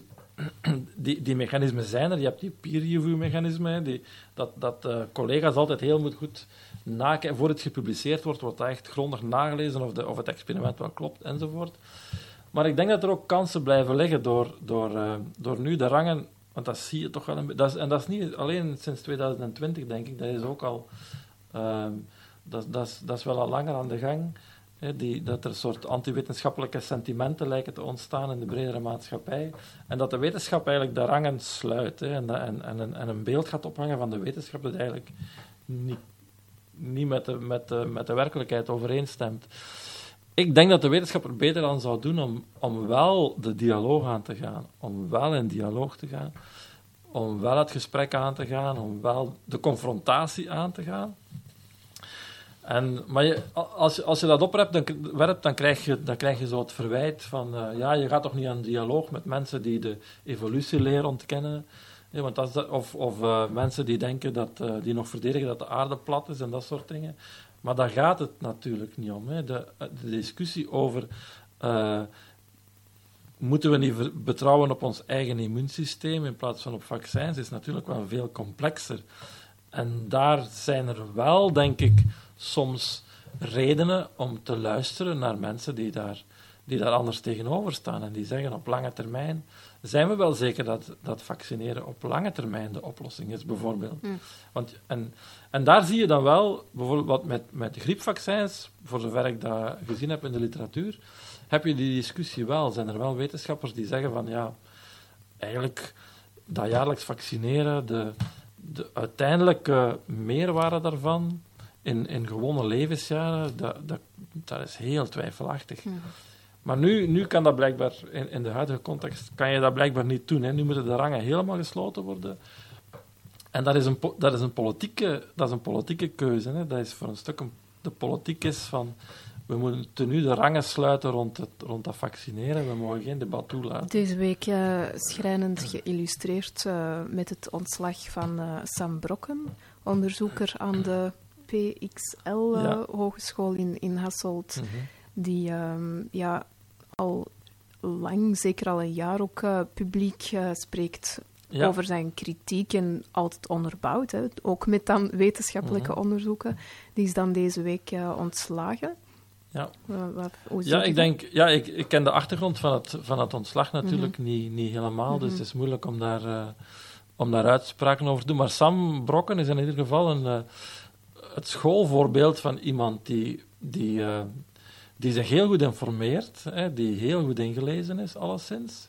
Je hoeft het met hem niet eens te zijn, maar je kan niet zeggen dat hij, dat hij zich niet of dat hij geen moeite doet om, om het tot in de puntjes te kennen. En hij, en hij, is ook, hij werkt ook in de sector natuurlijk. Hij werkt als uh, gezondheidslector. Dus hij is, hij is een schoolvoorbeeld van iemand die, die niet in het hart van het wetenschappelijk onderzoek zit. Hij is zelf geen, uh, geen onderzoeker. Maar die wel de moeite doet om op de hoogte te zijn. En die van daaruit zich een, een mening formuleert en kritiek geeft. En het probleem dan is dat daar. Dat, ik zeg niet dat je het met Sam Brokken moet eens zijn, natuurlijk, als viroloog of als epidemioloog. Je mag gerust zeggen van nee, wij denken toch, uh, ondanks al die kritiek, dat, dat dit de beste keuze is enzovoort. Maar dat is, dat, wordt, dat, is niet wat gebeurt nu natuurlijk. Er wordt gewoon niet in dialoog gegaan. Ja, hij wordt gewoon, hij wordt gewoon uh, geframed als anti-vaxxer. Hm. En hij wordt weggezet als iemand naar wie je niet moet luisteren. En dat is natuurlijk wel problematisch, denk ik. Hè. Ik, uh, ik, vind dat je minstens het debat moet aangaan. En hij vertolkt natuurlijk, of, of hij nu gelijk heeft, heeft of niet, hij vertolkt wel de mening van heel veel mensen. Want Sam Brokken wordt wel echt gevolgd door een aantal, door een hele grote groep mensen die vinden dat hij vertolkt wat zij voelen, wat zij denken, waar zij voor staan. En dan zo iemand wegzetten als, als een, als een, eh, ja, een nitwit waar je niet naar moet luisteren, dat vind ik wel problematisch. Ja, en echt als een dissident ook. Hè? ja, hij wordt ook weggezet vanuit een politieke agenda, eerder dan vanuit een politiek-morele, politiek-ethische agenda. En dat houdt dan in, we moeten allemaal de neus in dezelfde richting. Ja, dat is Iedereen gevaccineerd. En, uh, ja. ja. Dus het is nu ja, dat is zo weer dat, is zo weer dat vaderlands idee, de, de, 11 miljoen, eh, de, de, ploeg van 11 miljoen. We moeten alles inzetten om die ploeg, om alle neuzen in dezelfde richting te krijgen. En, uh, en dissidente stemmen, uh, die moeten verdacht worden gemaakt eigenlijk. Daar komt het op neer, want die, die verstoren nu even de, de, ja, de richting. Enfin, die, die, die, die zwemmen nu even de verkeerde richting uit, zeg maar. Mm -hmm. En en ergens is dat, is dat misschien wel, is dat, is dat ook wel te begrijpen, hè? maar ik denk dat het uh, op vele manieren niet vruchtbaar is. Want de mensen die, die Sam Brokken op de voet volgen en die vinden um, dat, zij, dat hij vertolkt wat zij denken, ja, die ga je op die manier niet overtuigen natuurlijk. Nee, het is uh, juist uh, olie op het vuur. Dat is olie op het vuur. En de wetenschap wordt er ook niet beter van. Want, want uh, ik denk dat de wetenschap beter zou worden als ze wel in dialoog gaan, als ze wel de confrontatie aangaan. En als ze wel, want Sam Brokken wijst wel op een aantal pijnpunten, denk ik, waar je een antwoord op moet hebben als wetenschapper. En als je dan zegt van ja, nee, we, we vinden het niet nodig om daarmee in discussie te gaan, dan, uh, ja, dan mis je gewoon ook kansen als, ja, dus als wetenschap. Terug die verarming eigenlijk. Dat is een verarming, ja. ja. En ik denk dat, dat het beter is om wel... Uh, en dat zie je ook, dat is ook weer een les die je uit de geschiedenis kan trekken. Heel veel belangrijke doorbraken in de geschiedenis, die zijn eigenlijk door buitenstaanders, dus door buitenstaanders gemaakt. Hè. Door mensen die met iets anders uh, bezig waren of op iets anders gericht waren en die toevallig uh, bepaalde dingen aan de oppervlakte brachten waar nog niemand aan gedacht had. of een manier van kijken. Hè. Vaak gaat het om een andere manier van kijken naar dingen. Hè, die, die en, en, en wetenschap evolueert eigenlijk niet alleen door telkens nieuwe feitjes aan de oppervlakte te brengen, maar de grote sprongen in de geschiedenis, in de wetenschapsgeschiedenis, zijn eigenlijk sprongen in, in een andere manier van naar, naar, naar hetzelfde te kijken. In, echt fundament, de, relativiteitstheorie bijvoorbeeld, hè, en een, een, een, een, nieuwe dimensie toevoegen aan de, aan de realiteit en aan, het, aan, aan de manier van kijken. En ik denk dat dat vaak van buiten, dat dat bijna per definitie vaak van buitenstaanders moet komen, die niet zijn opgeleid in, de, in het strenge methodologische kader van, van de universiteit enzovoort. Dus ik, ja, ik zou zeggen, zoveel mogelijk wel luisteren en wel de confrontatie aangaan. En dat, dat gebeurt wel meer en meer. En ik, ik, kom zelf natuurlijk uit de sociaal-humane wetenschappen. En daar, daar is dat stilaan wat meer, wat meer ingeburgerd. Hè, dat, je, dat je ook in dialoog gaat met, uh, wat dan uh, stakeholders wordt genoemd, maar dat zijn dan meestal mensen gewoon op het terrein die, die, die werken in het veld waar je onderzoek naar doet. Hè. Sociologen die naar uh, sociale ongelijkheid onderzoek doen, die, die zijn dan in dialoog met, met, met uh, ervaringsdeskundigen enzovoort. Dus bij, in, in, in, onze, in mijn sfeer, uh, en, en ik zelf uh, in dialoog met mensen die in musea werken en die in de erfgoedsector werken. Dus dat, dat groeit wel, dat je meer en meer met soort, dat soort uh, mensen in dialoog gaat en daar ook probeert uit, uit te leren enzovoort. Mm -hmm. Maar in de exacte wetenschappen lijkt me dat nog iets moeilijker, lijkt me dat nog veel minder ingeburgerd. Ingeburgerd. Maar bij, ik denk bij uitstek in de gezondheidswetenschappen zou dat, zou dat denk ik meer, meer moeten gebeuren. Uh, ik was uh, in aanloop van, van deze episode van, van die coronacrisis voorstander van het idee om beleid te voeren uh, op basis van experten, die dan, ja, mensen die dan hun, hun stem moeten uitbrengen of keuzeopties moeten kiezen, inlichten, zo goed mogelijk inlichten. En dat dat eigenlijk een interessanter beleid is dan onze particratie. Um, dus ik weet eigenlijk ja, niet ja. of daar een overkoepelende term voor is, hè, maar dus in feite een expert-gestuurd beleid vond ik mm. altijd wel uh, heel uh, redelijk uh, klinken. Maar ik moet zeggen dat ik daar nu toch wel mijn twijfels bij heb of dat dat zo'n goed idee is. Ja, um, ik, begrijp, ik, begrijp de, ik begrijp het gevoel helemaal, want ik zou daar in 2019 waarschijnlijk ook nog heel anders over gepraat hebben dan nu. Nu vind ik dat ook uh, dat we veel te veel gestuurd worden door experten. Hè. Uh, ik, ik vind wel dat experten hun, uh, hun rol moeten spelen natuurlijk. En, dat we, en dat zij ons mogen informeren over, over, over mogelijke scenario's, over de ernst van het virus over uh, wat zij denken dat er zou gebeuren als we niks doen enzovoort. Over wat zij denken dat de impact is van bepaalde maatregelen. Daar heb ik allemaal geen moeite mee. Maar wat, wat wel een probleem gebleken is, is natuurlijk dat zij, dat zij gaan bepalen zijn wat dan, uh, wat dan de politieke beslissingen zijn. Hè. Dus ik denk het minste wat je, wat je zou moeten, moeten doen, is een groter, een groter onderscheid maken tussen expertise en de scenario's, ik denk dat, dat, zij, dat zij de scenario's mogen aanleveren. Maar daarna moet natuurlijk de politiek een beslissing nemen die, die toch min of meer autonoom en onafhankelijk daarvan gebeurt en op basis van democratische besluitvormingsprocessen. En zoals het in 2020 gebeurd is, uh, ja, dat beantwoordt niet aan dat ideaal natuurlijk. Hè. Dus de, de experten zijn heel erg zelf gaan, gaan bepalen wat... Uh, wat de politieke beslissingen moeten zijn. En, en het is.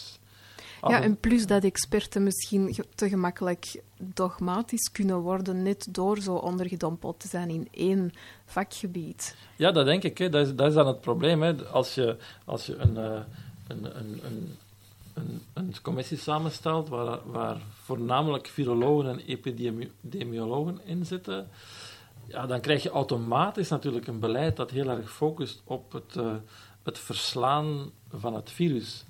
Zet je daar een gezondheidseconoom bij, dan krijg je al een ander perspectief. Zet je daar een psycholoog bij, dan krijg je nog een ander perspectief. En, uh, en een, een, heel groot probleem in, in, tot op vandaag is dat, die, dat, die, dat de sociaal-humane wetenschappen veel te weinig vertegenwoordigd zijn. Dus waardoor de de mentale en de sociale impact van die maatregelen uh, nauwelijks aandacht krijgt, of alleszins ondergeschikt blijft. Ja, we weten dat wel, we, we, we weten dat het moeilijk is voor iedereen, maar, maar er is nu eenmaal geen alternatief. Dat is dan het, meestal het... Uh, uh, ook filosofen, denk ik, en ethici, die veel te weinig aan, aan het woord komen, waar veel te weinig naar wordt geluisterd. Het gaat hier over essentiële vragen over het levenseinde, over hoe gaan we om met het levenseinde, in hoeverre maken wij andere dingen ondergeschikt aan, aan extra levensverwachting voor een, voor, een, voor een bepaalde categorie van mensen. Dat zijn vragen die echt naar het, de, naar het hart van, het, van de zin van het leven gaan. Maar een ethicus hoeft daar geen zeg over te hebben. En ik, ik, het is zelfs zover gekomen dat een aantal filosofen zelf zeggen dat zij daar niks over te zeggen. in, in, de, in NRC Handelsblad las ik over laatst een artikel van een, een filosoof die zei dat er naar filosofen nu even niet moet geluisterd worden. Omdat het virus moet verslaan worden. Terwijl ik zou denken dat je juist nu wel naar filosofen en naar ethici moet luisteren, natuurlijk. Ja, net dus parallel aan het eh, debat over de grondwet. Hè. Het is net in tijden van crisis Ja. dat een grondwet belangrijk is. Absoluut, en daar wordt ook heel weinig naar geluisterd. hè. Die moeten via de media ook eh, voortdurend proberen om toch gehoord te worden. Mhm. Terwijl dat, ja, als je, je- die, zij zouden meer rond tafel moeten zitten natuurlijk op het moment dat er een avondklok wordt besproken. Je, je moet dat niet overlaten En aan... stilzwijgend wordt verlengd. Ja, en die dan stilzwijgend wordt verlengd. Ook omdat er niemand rond tafel zit die daar dan een punt van maakt, wellicht. Terwijl, dat is wel essentieel ook natuurlijk. En dat heeft alles te maken met ja, de manier waarop die commissies zijn samengesteld.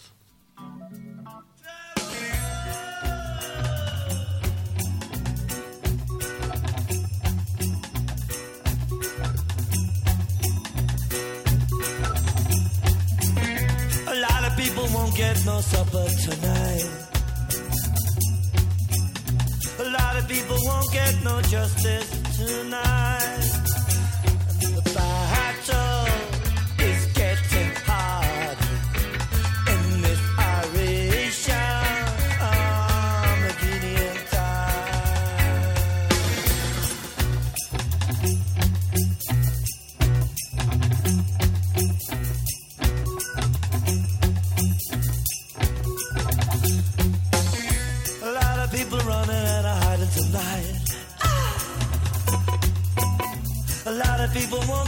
Justice tonight.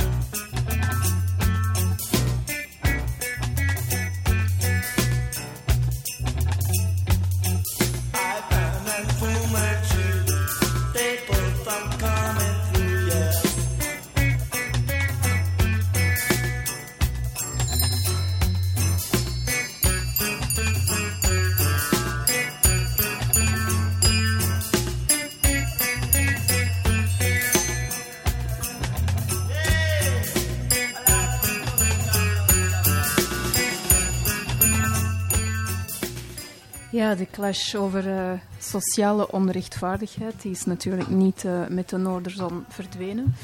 Misschien net iets minder zichtbaar. Hè. In crisismodus eh, verdwijnt dat wat op de achtergrond. U bent naast historicus ehm, ook onder andere directeur van Urban Studies Institute. Dus ik vermoed daarbij een, een bijzondere affiniteit met de, de, de stedelijke of de grootstedelijke context. Ja, deze week ook was er een, ehm, een opiniestuk van Jonathan Holslag, die dit een, een luxe crisis eh, noemt. eh, een beetje in de lijn van eh, Niet Zeuren, van eh, Erika Vliegen. Ja, vanuit een comfortabele positie al eh, weggelachen. Ehm, is dit een vergissing? Wat, wat missen we van, van mensen die minder eh, geprivilegieerd zijn in, in stedelijke contexten enzovoort? Ja, heel veel, denk ik. Ik, ik denk inderdaad, de, de hele idee dat het een luxe probleem is, is volgens mij inderdaad wel een heel sterk middenklasse visie op eh, wat, wat, er, wat er gebeurt. Hè. Ehm, en ik denk, je kan heel veel voorbeelden geven van dat er een soort middenklasse visie bestaat. Hè. De, in, de- eerste, in de eerste golf eh, werden nog parken gesloten, bijvoorbeeld. Hè, werden de banken afgesloten. Ehm, eh, wat een totale aanfluiting is natuurlijk voor mensen die op een appartement wonen en geen tuin hebben. Voor mensen die, die een tuin hebben en mensen die kunnen gaan wandelen, zo, zoals wij wonen bijvoorbeeld, wij hebben een tuin, wij, wonen, eh, wij, hebben een goede uitvalsbasis om te gaan wandelen en om te gaan fietsen. En in die positie is het natuurlijk gemakkelijk om een lockdown lang vol te houden. Ehm, En om, om, een, om, een, eh, om een, eh, avondklok vol te houden enzovoort.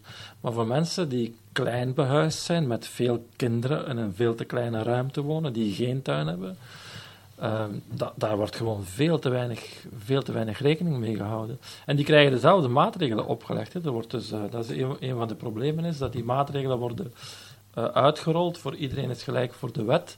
Maar iedereen is niet gelijk voor de wet op dat ogenblik natuurlijk. Hè. Want ik kan buiten, ik kan bij een vuur gaan zitten.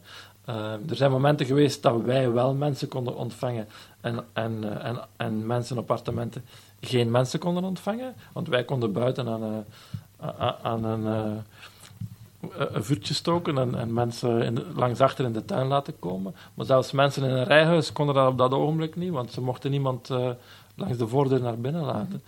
En ik denk dat er, dat, dat, dat allemaal illustreert dat er een soort eh, ja, middenklasse of hogere klasse visie op, op de pandemie is. En daarom is het ook een beetje vreemd dat je dan als, eh, als links georiënteerd iemand wordt je dan, wordt je dan vaak eh, in een rechtse hoek geplaatst. Er wordt vaak gezegd van ja, je bent niet solidair met... enfin, helemaal vreemd is het dan ook weer niet, want het is natuurlijk ook zo dat, eh, dat het virus ook dus de, de sociaal zwakkere mensen het hardste treft. Hè. Dat, moet, dat moet ook gezegd worden. Daar is dan er is bijvoorbeeld meer onderzoek naar gedaan in de, in de Verenigde Staten, denk ik. Bij ons is dat, is dat, loopt dat... Enfin, ik ken dat onderzoek misschien ook, ook niet genoeg, maar de, de dingen die ik gelezen heb daarover, die gaan vaak over de Verenigde Staten. En daar zie je dat er natuurlijk een heel groot verschil is tussen eh, ehm, eh, zwarte bevolkingsgroepen, lager, eh, sociale, sociaal lagere bevolkingsgroepen, die veel harder getroffen zijn, ook door het virus natuurlijk. Ehm, Door hoe En- ze met veel generaties door, Vaak ehm, samenwonen? door het feit dat ze, dat ze veel minder eh, snel, veel minder gemakkelijk thuiswerk kunnen doen. Hè. Dat zijn buschauffeurs bijvoorbeeld, die moeten natuurlijk wel blijven werken. Bouwvakkers die zijn blijven werken. Dus die werken vaak in sectoren waar je wel sociaal contact blijft hebben. Dus die, die, die geen telewerk kunnen doen, hè. handwerkers enzovoort. Ehm, vaak slechter behuisd. Hè. En ondertussen weten we dat verluchting enzovoort een grote rol speelt met verschillende generaties in hetzelfde huis. Ik denk dat dat ook wel voor onze steden al ondertussen is vastgesteld via onderzoek, dat, eh, dat in, eh, in Brussel bijvoorbeeld hè, eh, mensen, groepen met een migratieachtergrond, waar de, de, de grootouders niet in een woonzorgcentrum zitten, maar in wonen bij de kinderen, dat daar ook een probleem is. dat daar ook de, de cijfers veel hoger zijn. Dus het is, het is natuurlijk enerzijds ook zo dat... dat de impact van het virus voor sociaal zwakkere groepen veel groter is. Dus ik begrijp ook wel daar dat, dat, er dan vanuit dat perspectief wordt gezegd van ja, je moet solidair zijn hè, vanuit dat, dat, meer links georiënteerde kader. Dat je zegt, we moeten solidair zijn, dus we moeten die groepen beschermen. Dat zijn de zwakkeren die je beschermt.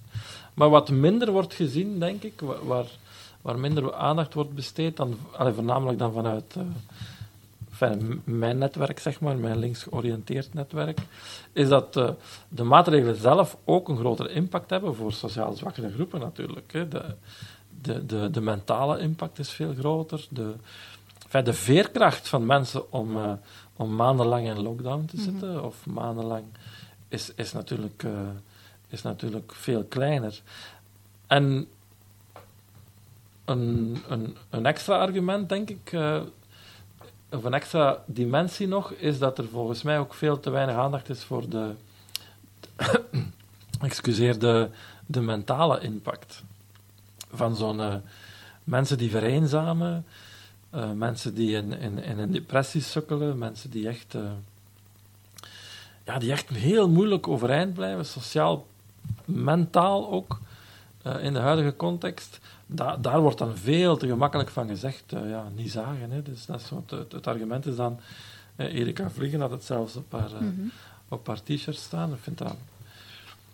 Ik begrijp dat gewoon niet, hoe, hoe, de- hoe, ze, daar, hoe ze daartoe komt. Wat daar de boodschap van is en wat je daarmee probeert te bereiken door te zeggen... Kom mensen, zaagt nu niet. Ja, het zal wel gedeeld worden door eh, veel mensen ook, dat standpunt. Wellicht wel, maar dat, dat getuigt dan van mij toch van een totaal gebrek aan empathie. eh, met mensen die, die, die echt zwarte sneeuw zien nu. Hm. Eh, mensen die, die, die hun eigen bedrijf, eh, een café of een restaurant zien over kop gaan, zien failliet gaan. Mensen van wie de enige sociale activiteit op een dag was een pint gaan drinken op café, die nu, die nu niks hebben. die- Tussen vier muren. die ja. tussen vier muren zitten, die alle sociale contact. Zo, zo zijn er heel wat mensen, die, maar die blijven totaal onder de radar. Mhm. Die nu al maanden geen mensen zien, gewoon omdat die cafés gesloten zijn. Mhm. Dat, wordt, dat is niet zagen, je mocht er niet over zagen. Eh, mensen die hun kleinkinderen eh, al, al ja, bijna een jaar nauw, niet of nauwelijks hebben gezien. Oudere mensen, niet zagen.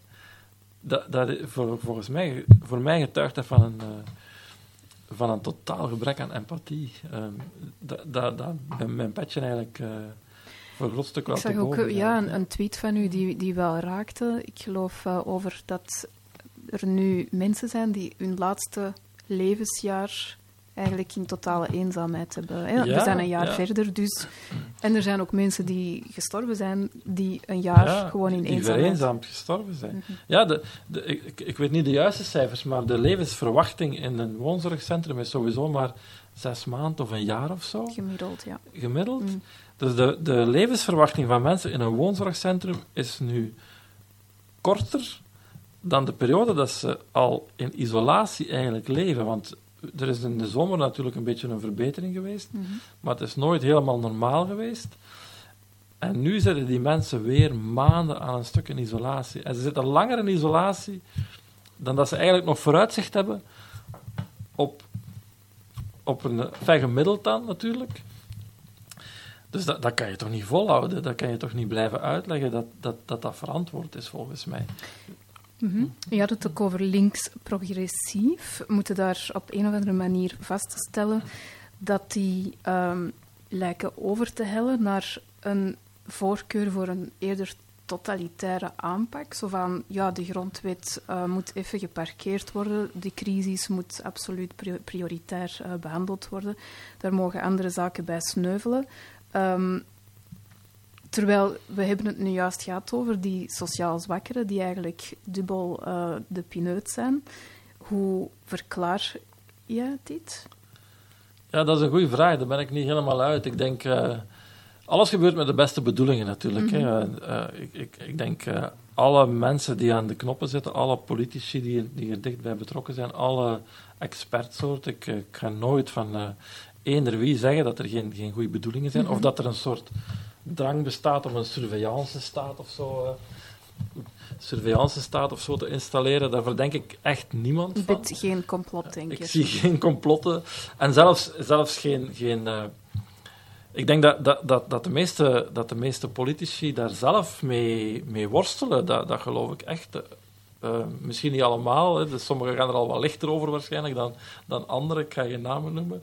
Maar ik denk dat er inderdaad wel bijvoorbeeld liberalen onvermijdelijk worstelen met, met, met, met de spanning tussen ja, een avondklok en, en dan eh, een liberaal gedachtegoed. Dat is natuurlijk heel moeilijk met elkaar, met elkaar te verenigen. Dus ik denk dat zij, dat zij eigenlijk zelf een beetje vastzitten in een, in een, eh, in een, een, beetje een, een tunnelvisie, denk ik, die vanuit dat technocratische denken heel erg voortkomt, volgens mij. En hoe komt het dat technocratische op een of andere manier is komen samen te liggen met links-progressief? Is dat altijd Ik zo geweest? ja, ik, is denk, dat ik een zeg nu links verschuiving? progressief, maar ik denk niet dat het... Het is niet... Het is niet, ehm, het is niet alleen links Het is eigenlijk de heel, het hele politieke spectrum zit in, het, zit in hetzelfde schuitje. Mhm. ik, zei, ik, ik sprak daarnet over links progressief, omdat, omdat ik natuurlijk op die identiteit vaak persoonlijk word aangesproken, omdat ik zelf eigenlijk in die netwerken mij altijd bewogen heb, omdat ja, mijn netwerk is links progressief, zeg maar. Dus eh, ik krijg van daaruit de meeste feedback en de meeste kritiek ook op mijn, eh, op mijn standpunten. Dus daarom verwees ik daarnet naar links progressief. Maar ik denk dat het eigenlijk gaat over het brede politieke spectrum. Hè. Als je ziet, ehm, die kritiek tot nu toe komt eigenlijk vanuit, vanuit eh, hoeken die... ehm, ja, Jean-Marie de Dekker bijvoorbeeld, hè, die, die, die, dat is zo'n beetje een outlier in het politieke, in het politieke spectrum. Eh, Vlaams Belang begint nu ook wat meer eh, op, echt oppositie te voeren, maar op, op, op, dan een beetje op een antipolitieke manier weer, denk ik. In Nederland heb je dan het Forum voor Democratie, dat is ook eh, ja, dat is het, het, Vlaams Belang, een soort Vlaams Belangachtige... Ja, het is daarom dat ik het noem. Hè. Dus het valt erg op dat die kritiek uit de rechtse hoek komt. Ja. Terwijl dat je die, als je het mensbeeld erbij neemt en de, de ideologie van, van vrijheid, eh, solidariteit, eh, sociale gelijkheid erop nahoudt, dan zou je eerder die kritiek uit linkse hoek verwachten. Ja, maar links is natuurlijk heel erg. enfin, links, en dan links niet alleen, maar eigenlijk het hele politieke spectrum heeft, is heel erg verweven geraakt met die technocratische instellingen. Hè. Eh, de WHO, Europa. Dus de, de oplossing van een, van een probleem wordt heel vaak nu gezocht in een, eh, eh, bij experts, eh, bij eh, mensen met een wetenschappelijke achtergrond en bij instellingen die dat dan vertalen in beleid. Dat, is eigenlijk een automatische reflex geworden in heel het politieke spectrum. Als het over, als het over eh, sociaal-economische dingen gaat, als, als het over gezondheidsdingen gaat. Altijd is de oplossing, eh, we kijken naar de wetenschap, we kijken naar experts, en dat wordt dan vertaald in, in, eh, in beleid. En dat, en dat werkt op veel terreinen natuurlijk ook goed, en dat heeft goed gewerkt. En dat, en dat op, op de meeste vlakken wil je daar ook niet vanaf, denk ik. Hè, want die, eh, als je bijvoorbeeld de klimaatproblematiek enzovoort, daar heb, je, daar heb je echt wel wetenschappers voor nodig natuurlijk, want anders zouden we niet eens weten dat er een, eh, een klimaatproblematiek is. En de sociale problematiek. En heel vaak heb je dan ook een, eh, een, eh, hoger aggregatieniveau nodig. Hè. Je, je kunt het niet oplossen op lokaal niveau, je moet het dan op, op Europees niveau oplossen. Heel, veel, eh, eh, heel vaak is de logica dan ook, we moeten, we moeten naar een hoger ehm, geografisch, of naar een hogere naar een andere schaal gaan. Hè. We hebben de WHO nodig, omdat die dan beleid kan uitvaardigen dat globaal is. We hebben Europa nodig om iedereen op dezelfde, ehm, op dezelfde lijn te krijgen. Dat zijn mechanismen die hun nut hebben bewezen, en die, eh, maar die nu zo, die eigenlijk een beetje automatisme geworden zijn, denk ik. En die ervoor gezorgd hebben dat, dat oplossingen die misschien ehm, een andere richting uitgaan en die eh, kijken naar, kunnen we niet op lokale schaal misschien toch oplossingen bedenken? Is, eh, kunnen we van onderop niet misschien meer ehm, al iets doen? Kunnen we in overleg, lokaal bijvoorbeeld? Ehm, dat soort oplossingen zijn, zijn, zijn nu, worden nu over het hoofd gezien daar, daardoor, denk ik. En, en rechts heeft natuurlijk heeft die, heeft automatisch een beetje die anti-establishment houding natuurlijk. En, en dat wantrouwen ten opzichte van wetenschap en ten opzichte van grote instellingen. En, en zeker ten opzichte van dan ehm, Europa en, en, en, en eh, internationale instellingen enzovoort. Dus daar is dat een beetje een automatisch eh, reflex. Maar dat is een anti-establishment reflex die nog ja, een beetje een- van een andere aard is, denk ik. Om het nu terug te brengen naar het idee van hoe zou links daar kunnen eh, mee omgaan en een alternatief voor kunnen bieden, dan denk ik inderdaad in de, in de richting van kleinschalige, kleinschaligheid. Ik denk dat het ook voor links nu een tijd is om, om kritischer te zijn ten opzichte van die bureaucratische en technocratische oplossingen.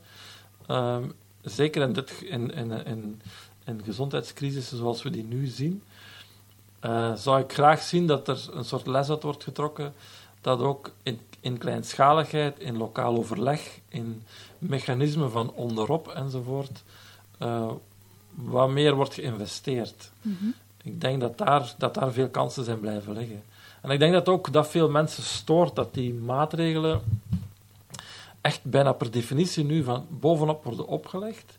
En altijd vertrekken vanuit het idee, als we het niet afdwingen en als we geen boetes voorzien enzovoort, dan zal het niet gebeuren.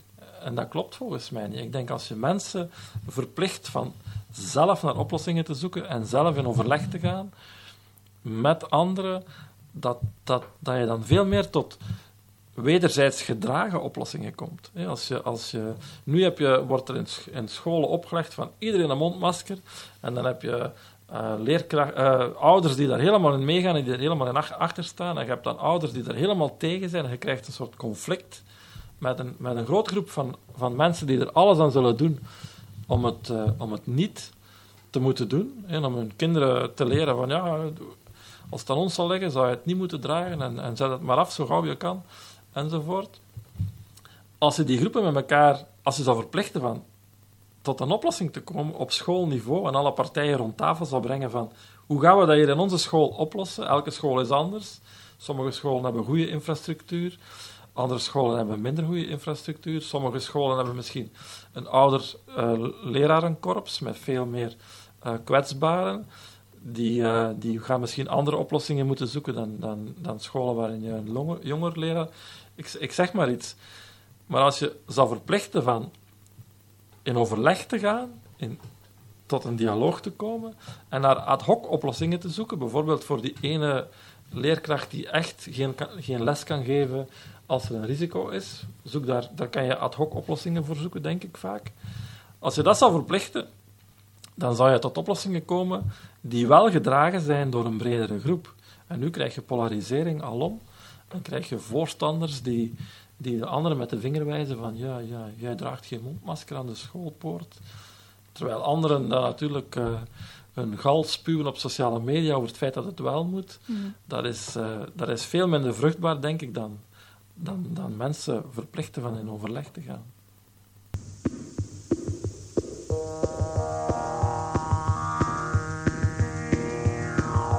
Catch a motor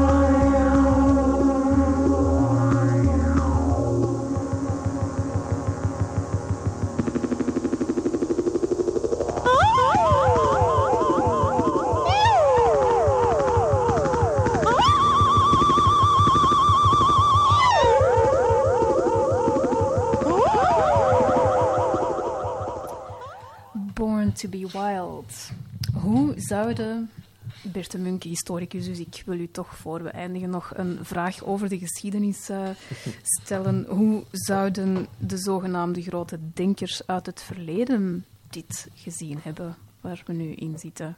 Daar al eh, over nagedacht? Dat is een goede vraag. Dat is, weer- dat is een, een moeilijke vraag, want ik denk dat de, de, meest, de grote denkers uit het verleden, de, de meeste alleszins, eh, zich di- dit zelf niet hadden kunnen voorstellen, denk ik.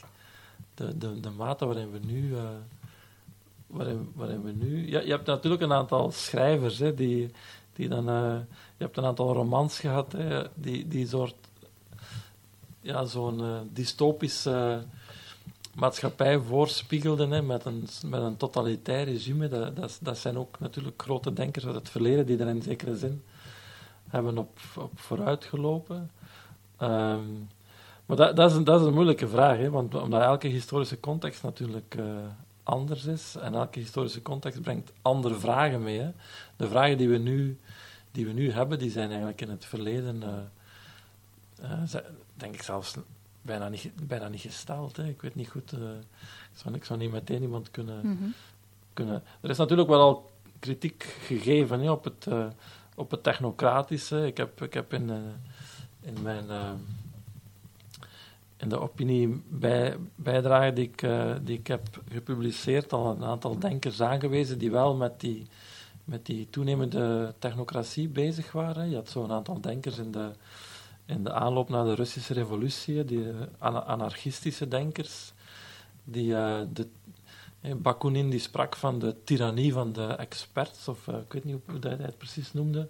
Maar die zei al, die zei al dat een, eh, een regering door eh, een regering van wetenschappers, dat die niet anders zou kunnen zijn dan onmenselijk en vreed. Omdat wetenschappers per definitie het menselijke over het hoofd zouden zien. Dat was uit eind eh, eh, 19e eeuw. Bestond er al zo'n idee van, eh, als, als je het allemaal aan wetenschappers overlaat, dan, dan eh, zal, de, zal de maatschappij ontmenselijken. Dus dat, dat bestond wel al. En eh, een andere denker die ik in, het, in het laatste stuk dat ik geschreven heb, heb van onder het stof gehaald, is Ivan Illich. Dat is iemand die ook al heel... dat was dan in de jaren 60, 70. En, eh, iemand die in de sfeer van de bevrijdingstheologie eh, werkte. Die, dat was een priester eigenlijk. Eh, en van daaruit al misschien een meer eh, spiritueel wereldbeeld had wel. Maar die dan eh, in Latijns-Amerika eh, zich eigenlijk inschakelde in het sociale verzet tegen het Amerikaanse imperialisme. Dan in conflict is gekomen met Vaticaan enzovoort. En dan de priester af is geraakt. En, maar dus in die, in, die, in die sfeer van die bevrijdingstheologie werkte. En die heel erg kritisch was voor moderne instellingen. Zoals eh, scholen, zei hij. Scholen die, die produceren eigenlijk het tegenovergestelde van wat ze eh, beweren te produceren. Ze beweren van mensen te emanciperen. Dat is het idee van school. Hè. Je, je leidt mensen op, je brengt hen kennis bij. Maar eigenlijk doet je juist het tegenovergestelde, zegt hij. Want eh, je leert mensen hun plaats kennen. En scholen definiëren vooral wat de juiste kennis is. Dus eigenlijk creëren ze een nood aan kennis en een schaarste aan kennis. Want als je gaat definiëren wat iedereen moet kennen, ja, dan, dan, eh, dan moet je wel naar die school gaan of je, of je bent niet mee. Hè. Je creëert eigenlijk een categorie van mensen die niet, niet het juiste diploma hebben, die niet de juiste kennis hebben. Dus eigenlijk doen in school, zegt hij, het tegenovergestelde van wat ze, van wat ze beloven. En het interessante aan Illich, Illich is dat hij dat ook dan heeft zijn, zijn bekendste boek is Deschooling Society. Dus zijn idee was, je moet van scholen afgeraken. Want eh, ze, ze, ze, ze zorgen er alleen maar voor dat, dat het ware leren, het echte leren, dat dat verdwijnt. Ehm, en het interessante is dat hij dat ook heeft toegepast op genees, geneeskundige, eh, op de medische sector.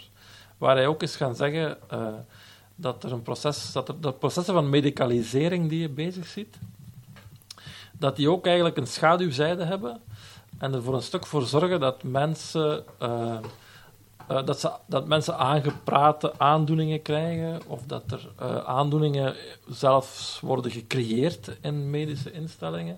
En ook dat je mensen het vermogen ontneemt om, om, om bijvoorbeeld voor elkaar te zorgen en om... en om zelf naar oplossingen te, te zoeken voor, voor ziekte en voor pijn en voor lijden enzovoort. Dus dat, dat, er zijn een aantal wel eh, mensen die al eh, vooruitgelopen zijn, in zekere zin, op de situatie vandaag. En die kritiek hebben gegeven op, ja, op de toenemende... Ik denk, ja, technocratie is het beste woord, denk ik. Zou niet anders... eh, ik, ik vind geen, beter, geen betere term. Die daar wel op, voor een stukje op vooruitgelopen hebben. Is er een zekere rebellie nodig om achteraf een groot denker te blijken? Ten opzichte van de, de, de tijdsgeest van, van de moment? Ja, ehm, dat, dat is voor een stuk wel mogelijk. Enfin, alleszins, de denkers die ik interessant vind, dat zijn dan toch, dat zijn er vaak wel die, die zo een beetje tegen de stroom zijn gaan inroeien. Eh, ik ben zelf heel erg beïnvloed door Michel Foucault bijvoorbeeld. Dat is zo'n beetje de... Die is er op zijn eentje eigenlijk verantwoordelijk. Het is een filosoof, Michel Foucault, maar die een heel erg... eh, heel erg ehm, historisch eh, blik heeft. Ehm, en die heeft er op zijn eentje eigenlijk voor gezorgd dat ik voor geschiedenis eh, gekozen heb toen ik een studiekeuze moest maken, omdat ik toen Foucault aan het lezen was. En die, en die, heeft, die heeft een aantal echt heel, heel radicale stellingen verdedigt die vandaag voor mij heel erg relevant zijn. Hè. Die heeft bijvoorbeeld aangegeven dat, dat eh, de manier waarop dat je tot waarheidsbevindingen komt en de manier waarop dat je ehm, geloofwaardig tot uitspraken kan komen over de realiteit, dat dat historisch bepaald is. Dat dat vandaag anders is dan 100 jaar geleden. En, en eh, dat dat 100 jaar geleden anders was dan 200 jaar geleden.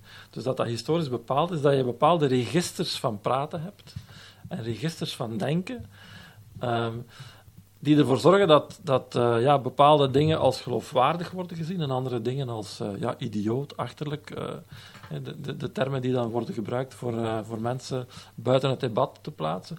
Foucault heeft erop gewezen dat die, dat die historisch bepaald zijn. En dus niet absoluut, hè, dat die veranderen doorheen de tijd. En dat dus wat vandaag als achterhaald wordt gezien of als idioot wordt gezien, dat dat misschien binnen 100 jaar niet langer achterhaald. Dat, dat is de les die je er dan, dan kan uittrekken, dat dat binnen 100 jaar misschien niet achterhaald en, en, eh, en vreemd is. Ja, Fou- Foucault zag volgens mij ook eh, wel iets dystopisch in die in vergaande ingrijpende overheid in onze gezondheid. Ja, Foucault is ook degene, dat en dat is het tweede aspect dat, waar Foucault vandaag eh, interessant voor is. Foucault heeft gewezen op de toenemende eh, focus ehm, van het beleid op wat hij noemt het, eh, het, het biopolitieke. Hè, op het menselijke, op de, de mens als biologisch organisme, of de mens als biologische soort. En dat gaat eigenlijk ook voor een groot stuk op de 19e eeuw weer terug. Foucault gaat dat ook in de 19e eeuw situeren. En wat daar ook nog interessant bij is, is dat hij dat ook voor een groot stuk toeschrijft aan de toenemende macht van experts, van hygiënisten, wetenschappers, eh, die met... dat is ook de eeuw van de evolutietheorie natuurlijk, waar de evolutietheorie is uitgevonden. De eeuw van eh, de opkomst van de biologie, de opkomst van de moderne geneeskunde, zoals we die vandaag kennen. Het identificeren van virussen en bacteriën enzovoort en hun impact op het menselijke lichaam. Dat gebeurt allemaal in die periode. Maar Foucault bekijkt dat niet alleen als een, als een, eh, ja, een ontwikkeling binnen de wetenschappelijke context, maar als een ontwikkeling die ook eh, die verweven is met de politieke ontwikkeling van dat moment. De evolutietheorie is eigenlijk ook een politiek gebeuren, hè, dat, dan weer te dat dan weer verbonden is aan de opkomst van racisme, westerse suprematie over andere rassen enzovoort. Dat hangt ook samen met die, eh, met die evolutietheorie, met die focus op het biologische. Die idee dat sommige mensen voortbestemd zijn om misdadiger te worden, dat is ook een 19e-eeuwse theorie. Ze gingen de, de mensen een schedel smeten en daaruit afleiden of iemand voortbestemd was om, eh, om, eh, om misdaden te plegen of niet, enzovoort.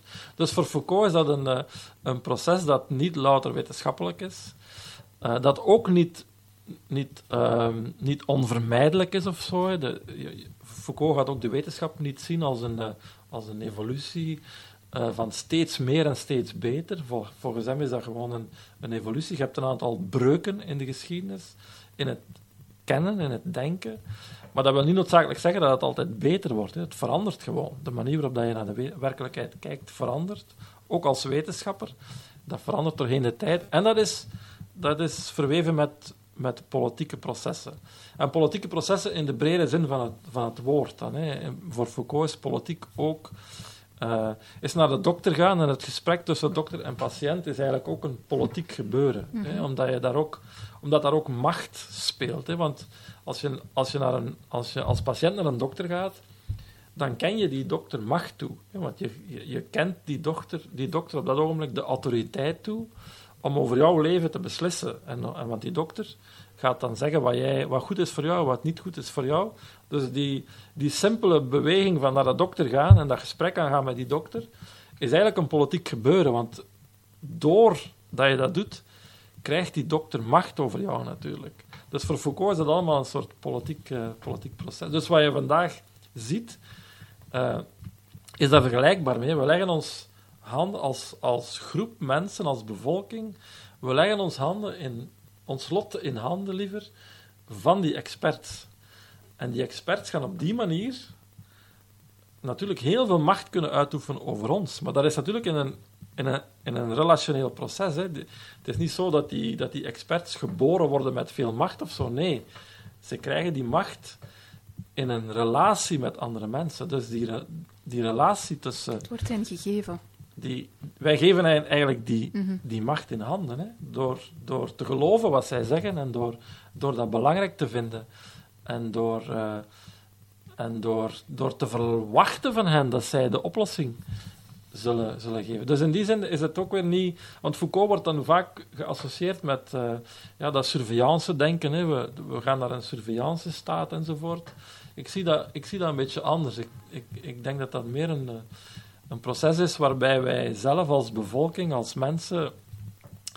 Ja, wij zijn daar niet alleen onder geschikt aan. Nee, wij zijn daar medeplichtig aan. Hè? Wij, wij leggen ons lot in handen van die mensen. En net zoals we dat doen als we naar de dokter gaan, dan leggen we ook ons lot in handen van die man of vrouw die dan, die dan de expertise heeft. Maar op het moment dat we daar doorgaan, dat we daar naartoe gaan, eh, zorgen wij ervoor dat die expertise belangrijk is natuurlijk. En dat is, en dat is, ook, dat is ook zoals je naar de universiteit gaat. Hè, dan, eh, Moeilijk om uh, onder aan, aan, aan, te ontsnappen, denk ik. het, is, het is heel moeilijk om, aan, om eraan te ontsnappen. Want wat ja. is het alternatief? Ja, het alternatief is... Uh, daar heb ik geen antwoord op. Dan kan ik mij verschuilen achter mijn rol als historicus, die alleen maar nadenkt over hoe het zover is kunnen komen en, en niet moet nadenken over hoe het anders kan. Ik, ik denk... ik, ik, zal zelf, ik zal zelf de oplossing zoeken in, uh, in, in kritischer gaan staan ten opzichte van die technocratische mechanismen en meer gaan zoeken in de richting, in de richting van kleinschaligheid. Mm -hmm. uh, ja, zoals ik daarnet zei. Partic uh, um, niet particratie, uiteraard niet. Participatie. Hè? Ja, dat zie je wel al in een ja, aantal domeinen, ja. vooral in steden dan. Rond groen. Uh, rond... Ja, je hebt zo de commonsbeweging ja, en zo. Ja, hè. De, de, ik denk dat dat interessante bewegingen zijn. Mm -hmm. hè. Commonsbewegingen, buurten die zich organiseren rond, uh, rond de vraag uh, welke infrastructurele ingrepen in de buurt nodig zijn. mechanismen die de, die de buurt verzamelen om, om, om over een deel van het budget, van de mm -hmm. begroting van het district in Antwerpen bijvoorbeeld te beslissen. Ik, ik, denk dat dat interessante, interessante evoluties zijn. Nog een allerlaatste vraag voor we uh, moeten afsluiten. Bert de Munk, uh, voor deze week was er La Boom in het uh, Terkamerenbos, als ik het uh, juist heb. Was jij daar ook geweest als je nu jong was geweest? dat is een goede vraag. Ik denk het niet. Um, ik, ik, heb me dat ook al afgevraagd, maar ik, ik, ik denk het niet. Ik ben, nooit, ik ben eigenlijk nooit een, een, een groot activist geweest, sowieso. Wel in de pen. Wel met de pen. Wel, wel, met de pen en met, met het woord. Uh, ik heb vroeger nog wel betoogd in de jaren tachtig tegen, tegen de kernwapens en dat soort dingen. Uh, maar nu zou ik sowieso schrik gehad hebben, denk ik, voor de... Ja, voor de... Want het was natuurlijk wel een beetje voorspelbaar dat er dan rellen voor, van zouden komen enzovoort. Dus ik zou waarschijnlijk uh, daar niet geweest zijn, ook als ik jong was geweest. Oké, okay, maar we blijven u lezen. Hartelijk dank voor uw komst uh, naar de studio Bert de Munk. Dat is graag gedaan, dank u wel.